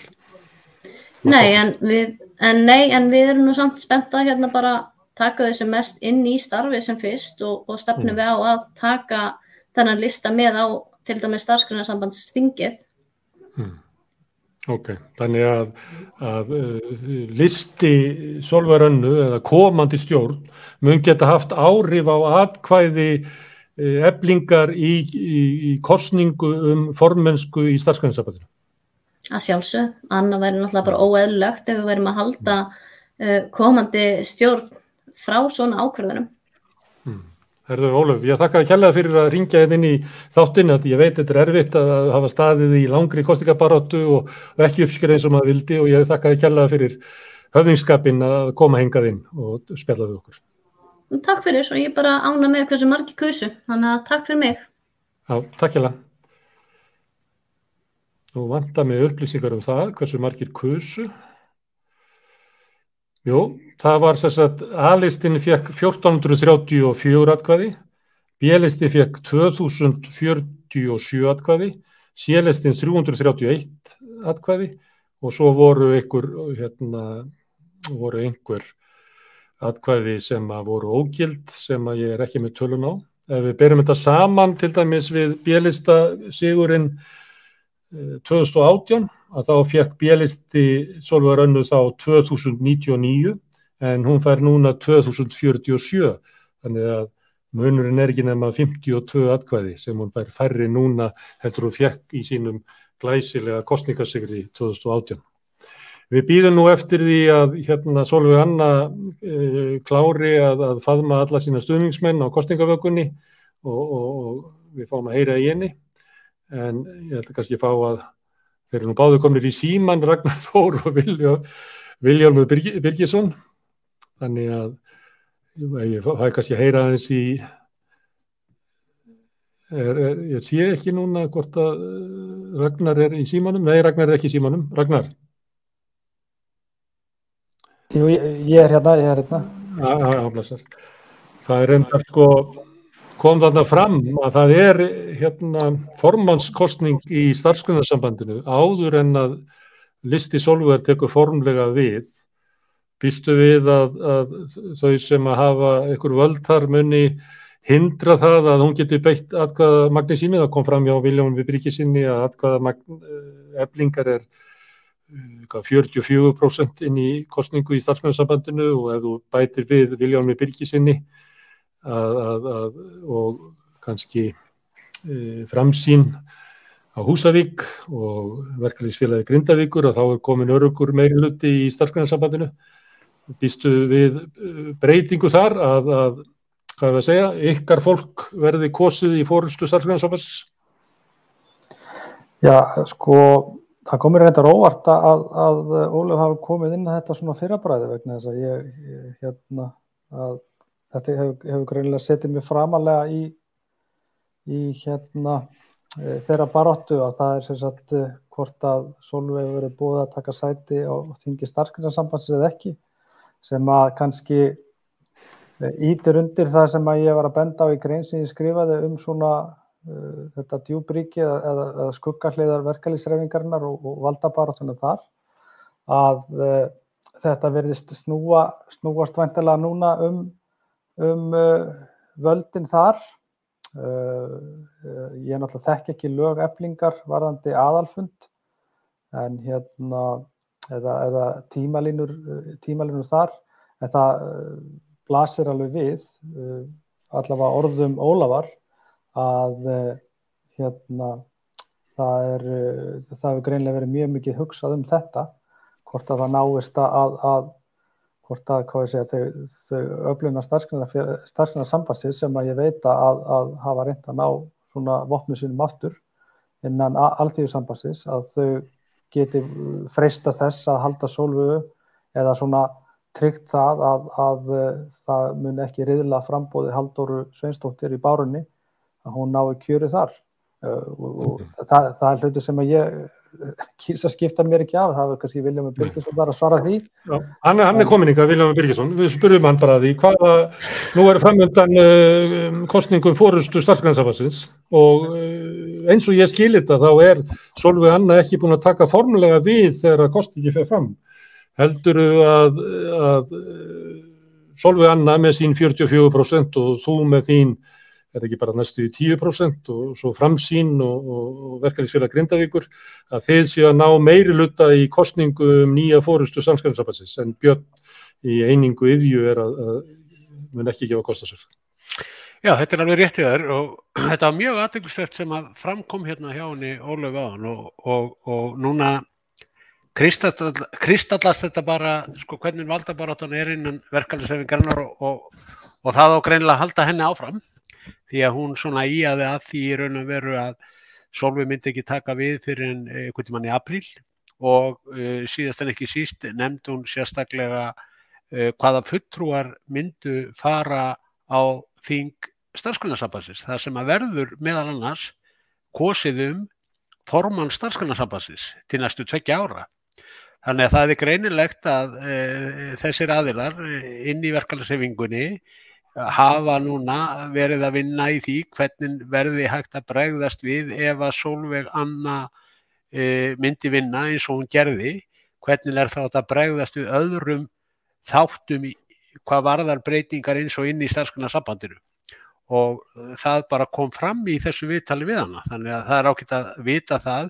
Hins vegar er það nú bara eins og þannig að eh, eh, Solveig Anna og meiri hluti stjórnar getur núna bara, og stjórn og trúnar getur bara tekið ákvörnu um það að búða til auka aðalfundar þess vegna eh, ég man nú ekki hvort það er vika sem þeir þurfa að gera það, eða þeir búða bara til auka aðalfundar þar sem að bara kjörin er líst bara kjöri bara kjöri eh, nýra stjórnar og síðan öðrum eh, hérna atriðu sem þarf að Eh, ganga frá á aðalfundi eins og afgriðslu ásreikninga, lagabreitingar ef einhverjar eru og aðra slíkt, því er þið þá frestað, en kjörun er þið líst. Þetta getur Solveig Anna algjörlega gert í að stjórn og trúnaráð var búið að ákveða að halda aðalfund félagsins 15. mars en einhverju hluta vegna að þá, eftir mínum upplýsingum, að þá var e, það dreyið í efa Eh, löglega séð vegna þess að reikningarnir eru ekki klárir og, og, og eitthvað varðandi lagabreitingar þannig að það er bara valdabaráttan inn í verkefælagssefingunni hún er rétt að byrja. Ég sé, ég, ég, ég sé það bara núna vegna þess að því að, að, að því að núna ætla þessu upp sem að hafa í raun og veru tekist að jáðar setja uh, bæði Ragnar Solvögu og mig uh, með aðgerðum sínum þau ætla að reyna að halda því áfram. Það er alveg grinnlegt. Þannig að, að, mm. að ég held að þetta er eitthvað sem að Solveig Anna og hennar listi þarf núna að fara gömgefilega yfir og þau þurfa að hlusta á þennan þátt. Þau þurfa að hlusta á það sem Ólaf sagði því að það kristallast algjörlega í því að ég held að það eigi að halda áfram þessari baráttu að reyna að halda völdum þótt að menn sé í raun og veru í algjöru minnluta. Já, en þetta er svolítið annað heldur en að þú varst að halda fram hérna fyrir í kvöld að ef að Solveig myndi vinna þá væri einhvern veginn komin einhver bylgja en núna er alltaf komið einhverja vöflur að það geti verið einhver svona hindrun á því að, að, að þið sem að er að sigra þessar kortingar getið innbytt þetta sigur. Já, það er bara alveg lögreitt hjá þér og, og, og, og þetta er einfallega þannig að verkefælisfélag Akranes, uh, Ebling, Framsýn og Húsavík og verkalýsfélag Grindavíkur, við erum með 56% þingfuttrúa á þinginu. En ef að öflin, eins og Ólafía var að fara yfir hér á, á, áðan, að e, það verði í raun og verið ekki hlutverk sólvegar að skipa þá futtrúa sem að fara á þingið heldur verði það þeirra vegna þess að hún verði ekki búin að taka við, þá er það ekki hennar fólk sem er að fara á þingið. Þannig að þá riðlast þessi valda hlutvöld. Það er það sem ég er að segja, en það er ekkit annað sem að Solveig Anna þarf náttúrulega bara að gera og, og, og bjölistinn að það er að tryggja það að e, þeir þingfuttrúar sem fara á þing starfskunarsabassins endur spekli þá ósk um breytingar í verkefnisreifingunni og hún þarf að tryggja það að þeir futtrúar séu sammála þeirri, þeirri, þeirri stefnu eins og niðurstaða þessara kostninga ber ótvírætt í förmið sér. Hmm. Hérna, hérna ég er í sambandi við Solveig Önnu sem er að berjast við að komast í nógu gott nettsamband til þess að komast ykkar inn. Við vonum að, að, að hún detti hérna inn bara eftir örskamma stund. Uh, ég veit ekki hvort að þið viljið taka upp þennan bolta um, um áframhaldandi átök í verkefnisleifingunni. Hmm. Pétur. Já, það er svona, ég skildi nú Ólöfu Helgu þannig ég, mér skildist á henni og hún saði, já, það er að koma þing starfsmanna, starfsgræninsambandi verkamannasambansins og hérna, og það var í hæsta mátu óeðlilegt á Solveig Anna og bílistin væru ekki inn í því. Ég, ég skildi þetta þannig, var ég að minnskilja eitthvað þarna eða hvað? Já, mér fannst þú segja það eins og þú, hérna, að þau myndu hafa sko bielistan með í ráðum varðandi hvernig hérna kosið yrði í starfsgrænsabandinu. Já, akkurat. En við erum náttúrulega ekki eins vanir að lesa á milli línana eins og þeir Viljarmur Ragnar Þór. Það er alveg rétt, já. Ragnar Þór, ertu viss á því að, að hérna, erum við svona bara kjellingar, ég og, og Pétur og látum hérna, orðagjálfur blekja okkur, að við náðum ekki að lesa þessi skilabóð sem að þið sjá, sjáuð inn í þessu? Já, sko, uh, já, hvað höfum við langan tíma til þess að fara yfir? Nei, ég segi svona, en, en hérna, mm. en, en það sem hefur gengið á innan, innan reyfingarinnar svona, og hefur kannski ekki hérna, komið neitt mikið fram á ofinbjörgvettvangi nema kannski þá helst í kringum skrif mín um svona uh, sem ég kallaði eitraðan kultúr að uh, það er einnig bara klopningur sem hefur átt sér stað, það er einnig alveg frá því að bæði ég kom inn í, í sko sem formaði vaffer og svo Sola náttúrulega sem formaði reflingar og Vili og, og fleiri að uh, það er allt, það, það, það er þessi klopningur á milli og, og, og uh, það hefur alveg svona, uh, já hvað ég að segja, það hefur ímislegt gengið á. Og, og þetta svona ristir miklu, kannski miklu dýpara og miklu persónulegra sérstaklega í okkar garð heldur en kannski fólk almennt gerir sér grein fyrir. Og það er svolítið erfitt að, kannski veita góða einsinn inn í, inn í þetta andrúnsloft en það er alveg, þú veist, það sem ég las úr þessu er náttúrulega bara fyrst og fannst það að uh, með hvernig ég upplifi sko heftina í garð okkar þryggja og fleiri að uh, þá, þá sko las ég úr orðum Ólafar að uh, þau megu vera með okkur að velja inn sem týðir það í sjálfu sér að, að, að, að ég les úr um þannig að, að meiri hluti þingfulltrúa sem fara fyrir eflingarhönd munu styðja uh, þá blokk sem við höfum marg oft lísta að sé og hangi eins og mara yfir verkefnisreiningunni því miður. Sko, hérna, ég er að fá hérna ábyrtingar um að, að í haust hafi trúnaráði ákveðið að hafa aðalfund 15. mars og, og það er sagt, fyrir hérna, frest en málið er það að aðalfundur dæmir um eigið lögmæti þannig að, að öllu líkitu verður sá aðalfundur dæmdur löglugur. Hvenar er starf, þing starfskanarsambandsins Viljámur? Það er 2003. til 2005. mars og verður haldið á Akureyri. Þannig að, Mm. að það er mjög mikilvægt að hún sé búin að taka við stjórnatömanum aðurna til þess þings kemur. Hmm. Herðu, Solveig Anna er að berjast við að komast hérna inn. Ég ætla aðeins að reyna að, að fá því úr því skorið hvort að hún komist inn, þannig að orð, orðið er laust. Ef ykkur vill hérna aðeins eh, spjalla á meðan ég ringi í Solveig Anna. Já, ég Herðu, Solveig Anna er að koma. Hérna, það er, já. Herðu, velkomin Solveig Anna og hjartanlega til hamingju með sigurinn í, í annarskiptið í röð. Jeflingu, hvað, hver eru, segðu okkur nú hvernig þið líður. Já, um, ég vildi að ég bara hérna gæti einhvern veginn orðað tilfinningar mínar með skýrari hætti. Mér líður náttúrulega bara auðvitað er mjög glöð, ég er mjög stolt og ég er þakklátt fyrir það að félagsfólk eflingar hafi um, í annarsinn um, treyst mér til þess að leiða baráttu félagsins. Og ég og félaga mínir á baráttulistanum hefum þetta bara lagt allt í þessa baráttu. Um, ég vissi að þetta yrði mjög erfitt, ég vissi að þetta yrði haframt, um, mér dætt reyndar aldrei í huga að þetta yrði svona styrlast, mér dætt ekki í huga að ég yrði hérna uh, ásökuð í fjármiðlum fyrir um, glæpi sem að ég hef ekki framið en um, þrátt fyrir allt það þá um, tókst okkur að bera sigur úr bítum um, og það er náttúrulega aldrei tekist nema vegna þess að við erum bara með svo frábært fólk sem að stiður okkur og er tilbúið til þess að leysin okkur og vill auðvitað að við leiðum félagið. Mm. Hvernig tólkar þau sigurinn? Er þetta þannig að þú þarft núna að búa til sátt þeirra sem að kussu aðlistan og, og búa til eitthvað svoleiðis eða lítur svo á að þú hefur óskorað umboð til þess að fylgja þinni stefnu og fara með félagið þangað sem að, að, að baráttulistin bendi?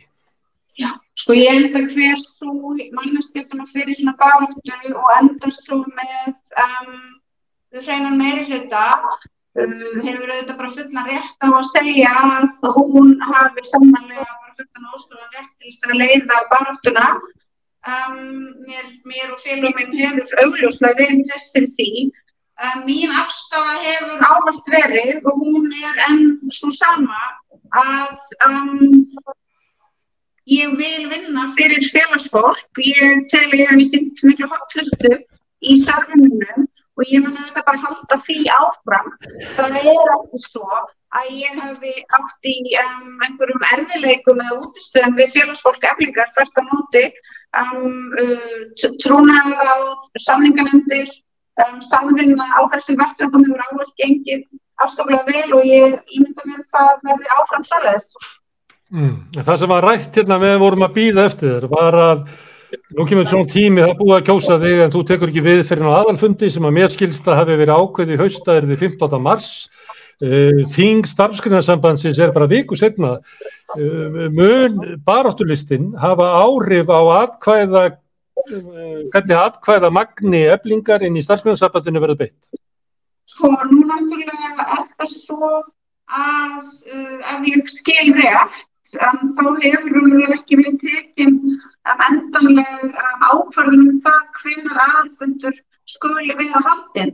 Um, það var lögð frá til á trúnaðarafsfundi um, fyrir jól um að aðalfundur er haldinn eigi síðar en 15. mars um, en fyrir liggur minnisblad frá lögmanni um að um, það sé ekki hægt og hann verð ekki haldinn fyrir en uh, fyrstu eða aðra vikuna í apríl en um, trúnaðar hefur um, eftir mínum heimildum ekki enn uh, gengið til aðkvæða um þetta mál.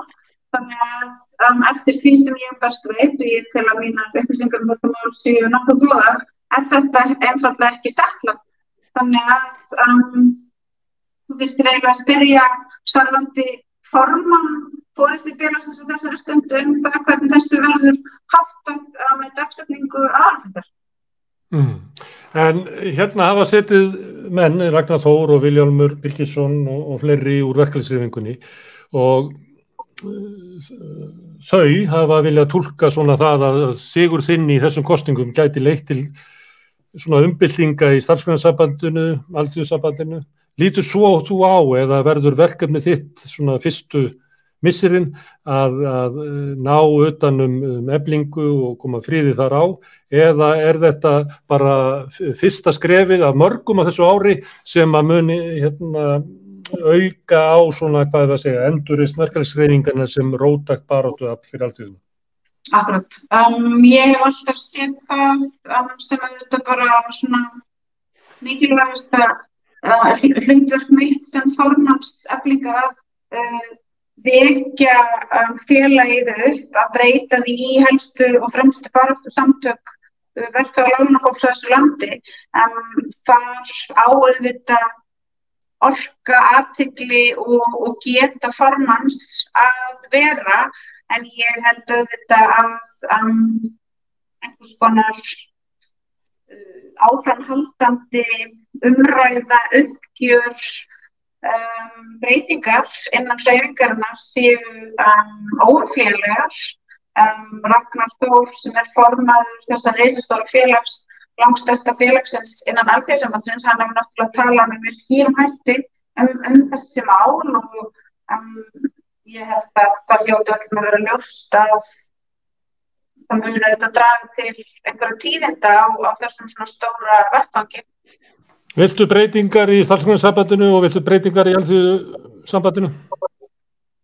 Um, ég vil, já, ég vil sjá breytingar, ég vil sjá breytingar uh, innan starfsgrunarsambandsins og ég vil auðvitað að alþjóðsambandið sé það sem ég til að það eigi að vera um, vettvangur þar sem að rattir um, þeirra sem að eru í þessum risa stóra, þessum tilur þessum risa stóra hópi á íslensku vinnmarkaði verka og, og lálænafólki eigi bara svona greiðari eh, aðgang að um, valda hérna pólitíkinni, stefnu, mótuninni og því hvaða leið er farin þannig að já, ég held að það sé nokkuð ljóst og ég hef svona hitt farið eitthvað leitt með þá skoðan minna.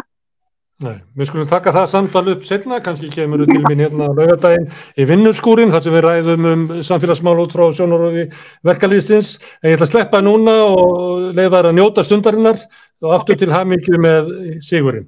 Kærlega, takk fyrir. Já, já, þá erum við búin að sitta hér í þrjá og halvan tíma í kostningasjóarpi samstöðurinnar við Rauðaborðið og fjöldin fólks komið hinga við. Ég held að sé bara við hæfi að enda þetta á þessu viðtali við hérna, Solvugönnu. Ég þakka uh, þeim sem hafa komið hingað og, og gætt þennan hérna, þátt lífi. Ég þakka Ragnari Þóri Ingólfssoni, Ólafi Þótt Narðarsinni, Viljómi Birgisinni og Pétri Tyrfingsinni sem að við lit svo til að eru hérna efst á blaðinu hjá mér frá því í dag þess að ég var bara að punta niður hverju væru en þeir sita hérna ennþá akkurat einir eftir þar sem að aðrir eru farnir að svæfa börni sín og, og sinna ímsum störfum öðrum og snjó og svona þá sita þeir hérna að fylgjast með kostingasjórfi sem er bara þeirra helst áhagamál. En hérna voru líka Þorlöfu Fridriksson, Steinan Ólína Þorstisdóttir sem er hann söng fyrir okkur og þökkum minn aftur fyrir það, Helga Ingolsdóttir, Andri Sigursson, Sigurður Há Einarsson reyndi að koma hingað inn en það var alltaf eitthvað að sambandinu við hann og, og það sama má segja um Jóhannes T. Sigursveinsson sem ég ætlaði að spyrja um hvernig væri að bjóða fram á móti aðlista dagsbrunnar 1991. En við heyrðum í Kolbrún Valvinsdóttur og Þorleifi Jóni Reyðarsinni sem að voru baratu fólk fyrir sína lista, uh, A-listan og, og, og B-listan og hvort er að spáði rétt. Uh, Jökull Solberg Auðursson kom hingað inn og Agnieszka Sokolovska, uh, Guðmundur Baldursson og Ólaf Helga Adolfsdóttir og Solveig Anna Jónsdóttir voru hérna auðvitað. Svo leitt Birgitta Jónsdóttir hérna við óvænt, við tókum hana bara inn að því hún var að fylgjast með og sama má átti við um, um Guðmund Argrímsson Ég held að ég hef ekki glemt neinum, en þetta fólk kom allt og bjóð til þetta kostingasjónar samstöðunar og ég þakka þeim fyrir. Hérna á bakvið er Bói Reynisson sem er búin að stýra útsettingu og ekki fengið að fara undir húsvekka reykja og ég bara byrst afsökunar Bói á að hafa pintið svona lengi. En hérna á bakvið hefur líka Karl Heðin verið og aðstóð okkur við þessa útsettingu. Þetta er svolítið afreg fyrir unga planka sjófanstöðu að halda út í þryggja hálfstíma kostingasjórfi og ég þakka þeim sem að voru að hlusta. Ég sá það, ég sé þá sem er að hlusta hérna á Facebook og það sló yfir 200. Við erum með á marga ströymi þar og, og svo sá ég líka á kommentum sem komi hingað að það var einhver hópur að horfa líka á YouTube. Þannig að þetta var stór fundur, kannski stæsti fundur sem var haldin í dag á Íslandi. Erðu, ég þakka um okkur, þakka aftur þessu komingað og hlustundum kærlega fyrir. Á morgun verður rauðaborði hérna og ég man ekki hvað við ætlum að fjalla um þar. Ég held að sé að við ætlum að fjalla um, um peningastefnuna, um, um hvernig er verið að hækka vexti hérna í vonum að beisla verðbólgu og hvort það sé eitthvað viti því. Sjáum til þá og ég reikna með og vona að Solveig Anna komi hér á þátt sem við verum með á laugardagsmótnum millir 10 og 12 sem heitir Vinnuskúrin, það sem er rætt er um, um fréttir vikunar frá sjónarhóli verkalýsins að koma fólk úr verkefnisreifingunum og öðrum almanna samtökum og ræða um þetta. Takk fyrir.